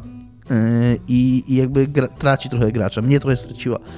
E, I później jakby jest payoff i ten payoff, ta, ta nagroda, nie wiem, ta, ta jakby to się spina wszystko i rozumiesz czemu ta środkowa część była tam, ale też zastanawiam się, czy czy nie mogłoby ona być lepsza albo ciekawsza po prostu. I tutaj oczywiście Dominik ma jak zawsze rację, bo trochę się jednak zna na grach. Red Dead Redemption 1 main plus sides trwała, słuchajcie, 26,5 godziny. Ty. To jest, podejrzewam, że nie, mniej dobrze. niż nowe God of War, które są grami akcji? Bo wtedy, bo wtedy niż Doom 20 Eternal mniej. bo w To tamtych czasach 20 25-30 godzin to była długa gra, tak się myślało o tym. To nadal jest długa gra. Jakby, Teraz to tam kaman. jakby ja mam jeszcze mniej czasu niż kiedyś? God of No War tak, z tak, 2018 roku, main i sides, No, 32,5 godziny. no, totalnie. Tak. A pierwszy God of War? Pewnie z 6 godzin. Pierwszego to pewnie tak, no to było, wiesz, to go, go, jakby to było. God of War beat. 1? No 10 godzin jakieś piszą. No, 9. 10 main plus extras. Nie wiem, co są extras, nie pamiętam. E, no, to ekstras to już było. chyba wszystko, tak? E, dobra. Jest, completionist to jest wszystko. A, a Red Dead Redemption 2 main plus size 80 godzin już, trzy razy dłużej, co No nie? właśnie. Niż jedynka. E, dobra, ale to skoro to szybko ogarnęliśmy to pytanie, po prostu nie mieliście odpowiedzi, znaczy Dominik miał, ale taką y, z rezerwą, e, to jeszcze szybko najgorszy początek w dobrej grze. Dlaczego akurat ten i co sprawiło, Ja mam że przetrwaliście? Signalis. Że przetrwaliście. Signalis, A, bo tak. obiecywało artystycznie rzeczy, ale po prostu pierwsze trzy godziny Signalis, to wciąż, to wciąż jest tam ok, jakby to nie jest tak, że to jest najgorsze, w co w życiu grałam, ale to, co się dzieje później w tej grze, to oni sobie, oni dwa razy sobie strzeli w kolano i po, przez pierwsze trzy godziny stracili 30% publiczności i potem po fake endingu stracili kolejne 50% publiczności, więc jakby e, szanuję ich artystyczną wizję, ale jakby nie rozumiem, co oni tu zrobili. I potem mam, uwaga, Elden Ring. No, Jakby jestem Ja głupi, rozumiem, nie, nie znam Ja rozumiem, grach, From. Software lubicie mieć fabułę, nie? I spoko, Elden Ring opowiada ją najprawdopodobniej najjaśniej ze wszystkich gier, które macie, ale tam jest mega długie, długie intro na temat NPC-ów, które męż spotykał w tej grze i jakby czy ono jest super potrzebne w takiej formie, w jakiej jest? Nie, jakby let's go. Nie, tam, dajcie mi Nie. wybrać postać, grajmy, opowiedzcie mi to, tak? Jakby Z w dwie minuty ten filmik trwa, bez przesady. Ale wciąż jakby, why? No Dominik, no nie powiesz mi, że po tym filmiku byłeś tak, wszystko rozumiem, let's fucking go. No, no nie, nie? ale nie, nie, no jasne, ale też bez przesady, nie? To jest takie tam normalne intro. Nie, no napisałam w jakieś- ogóle Elden Ring w nawiasie hehe. Dobra, to Dominik, jako że się nie znasz, to teraz powiedz swoją błędną odpowiedź i Gał ją zmasakruje. Yy, Never died. Final Fantasy, Final Fantasy X. Yy, ja bardzo lubię tę grę i próbowałem ją parę razy podchodzić i przechodzić i ilekroć zaczynałem w nią grać, ten początek, ona ma taką... To jest ta ze no sportami tutaj- wodnymi? Słucham? Tak, To- ze sportami okej. wodnymi, tylko ona się zaczyna w ogóle w jakimś innym świecie, bo tam ten bohater pochodzi z jakiegoś snu, który jest snem e, jakiegoś bytu, który tak naprawdę jest jego ojcem, wiecie, tam Final Fantasy, nie? E, I, I ty na początku jesteś w ogóle w zupełnie w jakimś takim science fiction mieście, które nie ma nic wspólnego z tym, co się dzieje w grze, w którym jakieś ludzie do ciebie mówią o czymś zupełnie jakimś, jakiś w ogóle jakieś wspomnienia lecą w tle jakiegoś typa, który ci je czyta, potem nagle wpadasz do jakiegoś dungeonu, idziesz przez ten dungeon, nic nie wiesz co się dzieje i tam trwa to z godzinę, półtorej godziny, po czym ty nagle wypadasz, jakby rodzisz się de facto, bo ty jesteś jakimś bytem, nie wiem, e, spoza tego świata, w którym ta gra się toczy. I ty się rodzisz do tego świata i dopiero wtedy ta gra się zaczyna. Mm, Ale ten początek jest naprawdę, naprawdę zły. I, i, i, i on do niczego nie służy. Ja do, do dzisiaj nie wiem, po co on jest w tej grze. Moja odpowiedź to jest Nier Automata. E, Ta gra jest bardzo super, bardzo ciekawa ze względu na to, jak tam Bonanza odchodzi i na jakie rzeczy ona się porywa i... e, A tego w ogóle nie widać w początku. Jakby ten początek to jest takie bardzo stokowe action RPG japońskie. I do tego w ogóle całe to pierwsze przejście jest najnudniejsze z, z tych wszystkich przejść, co oczywiście w cudzysłowie, bo dla mnie to nie są przejścia, to jest jedno przejście jakby gry, co nie? Ale to całe takie pierwsze, do, do, pierwszych, do pierwszego fake endingu jest zdecydowanie najnudniejszą częścią tej gry, co nie? Trzeba mieć, ja w ogóle musiałem e, mieć bardzo dużo silnej woli, którą głównie tutaj Dominik mi żywił i karmił, mówił, że Tomek musisz grać, bo tam się później dzieje. I, i rzeczywiście jakby później jak dochodzi do tego payoffu i tak dalej, to już byłem zadowolony, że gram i, i emocje się dały i tak dalej, ale ten początek jest, e, no moim zdaniem, kiepski i taki mylący, co nie? Jakby to, on nie sprzedaje ci gry, którą ta gra tak w istocie jest swojej, co nie? E, tak, znaczy trochę, ale z drugiej strony ja miałem tą grę zapisaną jako odpowiedź na pytanie, którego nie ma. I nie wiem, jakie to jest. Jakie to... Super. Nic nas nie dziwi tutaj w tym, nic absolutnie. E, Bo ja mam bardzo żywe wspomnienie z tej gry, bo... Ale to jest w ogóle jak z jakiejś mówi- książki fantazy. Masz odpowiedź na pytanie, którego nie ma. Idź do człowieka, który ma odpowiedź na pytanie, które nie istnieje. Znaczy to też brzmi jak trochę z autostopem przez galaktykę. Albo Taki tak. mógłby być, nie? Więc słuchajcie, słuchacze, teraz usłyszycie odpowiedź na pytanie, które nie istnieje. I to odpowiedź to jest nie automata. bo Ku zdziwieniu nikogo. Pa pierwszy raz grałem ona ci na początku informuje, że nie będzie saveowania w tej grze. E, I że dopiero później się. Znaczy, że po prostu nie ma save'a. Jak przegrasz, to przegrasz. I tam dopiero później się dowiesz ewentualnie, jak można to nie saveować. I to trwa dosyć długo. I to się kończy bossem. I ja trochę nie wierzyłem w to, że ta gra. Tak, to, to jest jeszcze dodatkowy problem tego początku. Bo, po czym umarłem na tym bosie i wróciłem do menu głównego i totalnie musiałem tą pierwszą godzinę przechodzić jeszcze raz i wiele ludzi odpada w tym momencie, a ja wtedy, a ja właśnie byłem taki pod wrażeniem, że okej, jakby macie moją uwagę. Byłem, byłem taki zaintrygowany tym, że nie skłamali. Ja to zupełnie odwrotnie niż Hellblade w ogóle, który cię oszukuje, że jak e, Tak. to gówno z Tak. twojej ręki dojdzie ci do ryja, to jesteś out i to totalnie nie jesteś. Ja nie rozumiem, czemu oni za tym nie poszli. To było super, jakby za tym poszli. Znaczy, wiesz co, przy okazji, jakby Hellblade coś zyskuje na tym kłamstwie. Jakieś emocje budzi w tobie. A, a Nier Automata nic nie zyskuje na tym kłamstwie, na, na tej prawdzie. Ale to o nie- tak, na tej jakby- prawdzie. Właśnie Tak. zyskuje, właśnie zyskuje. Nic nie zyskuje, takie, wow, absolutnie nic. Jakby po co to jest w ogóle wprowadzone i po co on ci to mówi? Bo to no bo jest to, ma, fajne. to ma Znaczy- sens na samym końcu, jak możesz poświęcić własnego save'a. To, to jest taka ładna klamra, jakby, nie? Nie wiem, to nie jest to samo, jakby ja tego w ogóle nie łączyłem tak. Takie to jest takie... Nie, To jest to decyzja podobało, ale artystyczna, okej? ja się zdziwiłem. Wow. Znaczy, właśnie. Tak jak to, że Jakby- Signalis ma kiepski początek, to jest decyzja artystyczna. Nie, to, jest- to jest w ogóle jakaś antydecyzja designu po prostu. Ja nie, nie wiem, nie mam zielonego pojęcia, dlaczego oni tak to zrobili, nie? Nie wiem. Nie wiem. Bo się nie znasz Nie na wiem. grach. Może. Co udowadniam od... To jest klamra. Dla tego odcinka. Dominika znowu wywyższamy tutaj jako tego, który się zna na grach. Kurde, przez jeden moment jednego odcinka udało mi się wyperswadować, że się nie zna. I koniec.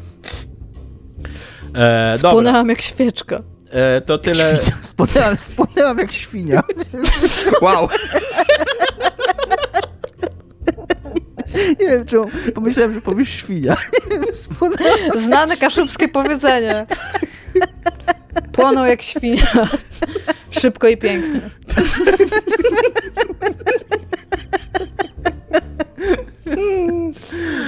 Tak, świnia, która pali się z dwóch stron naraz. Pa, pa, pali się dwa razy szybciej. Świnia pali się z dwóch stron. Jednym jesteś ty, jedną stroną jesteś ty.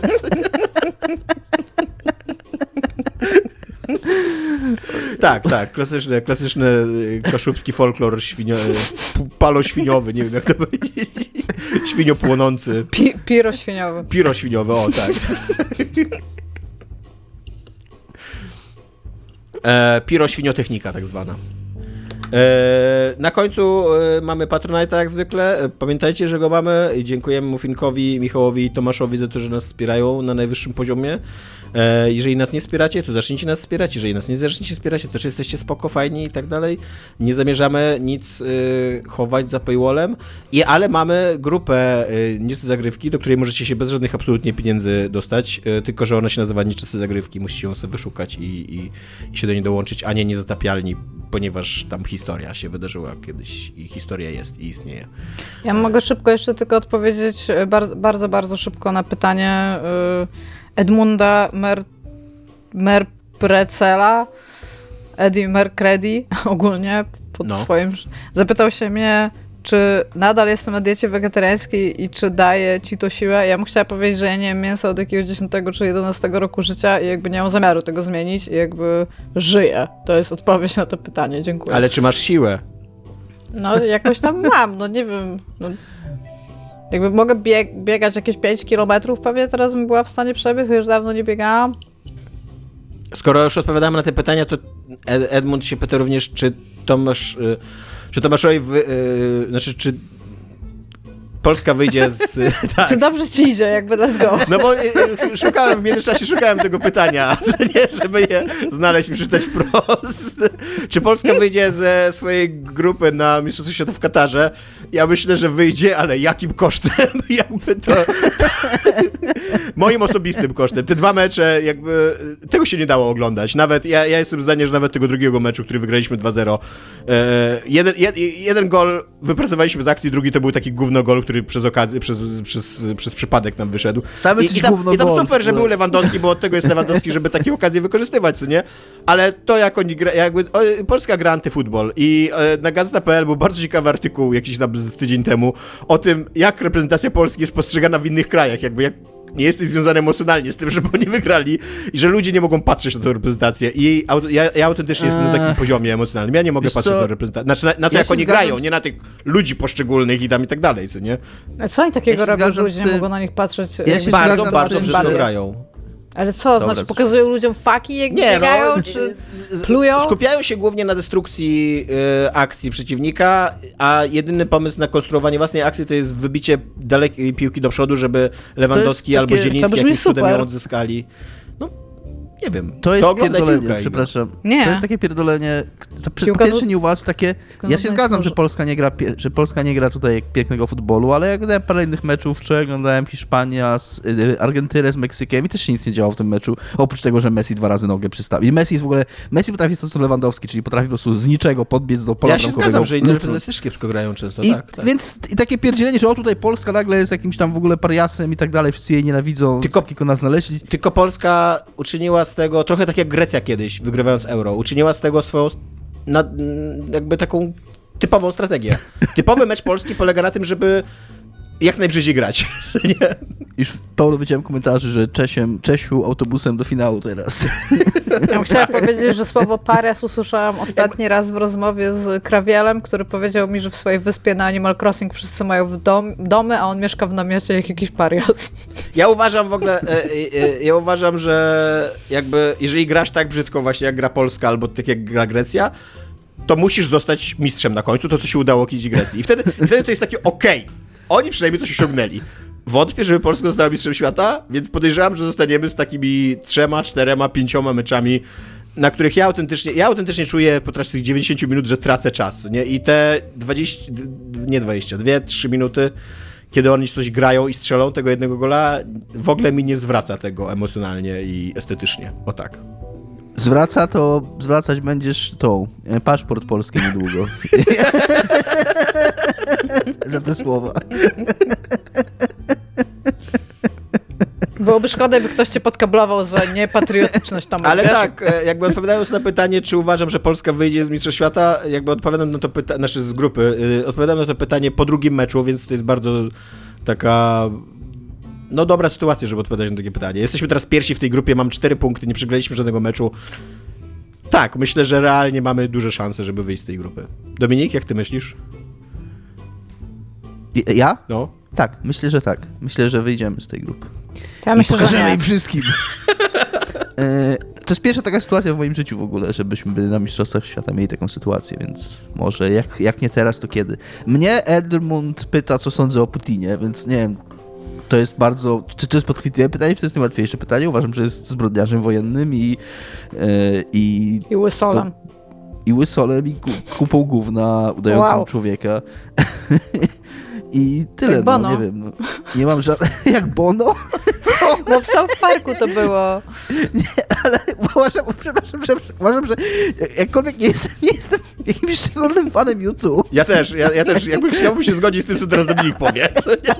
a, ani Bono jako osoby, to uważam, że jest bardzo, bardzo duża odległość pomiędzy, pomiędzy Putinem a Bono. Nie?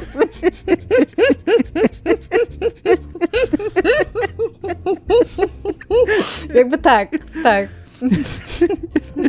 Ja myślę, Również że można zgadzam. bezpiecznie powiedzieć, że Bono jest lepszym człowiekiem niż Putin. Tak, tak. Tak, Dobra, to tyle mieliśmy e, dzisiaj dla was. Cześć. Cześć. Marek.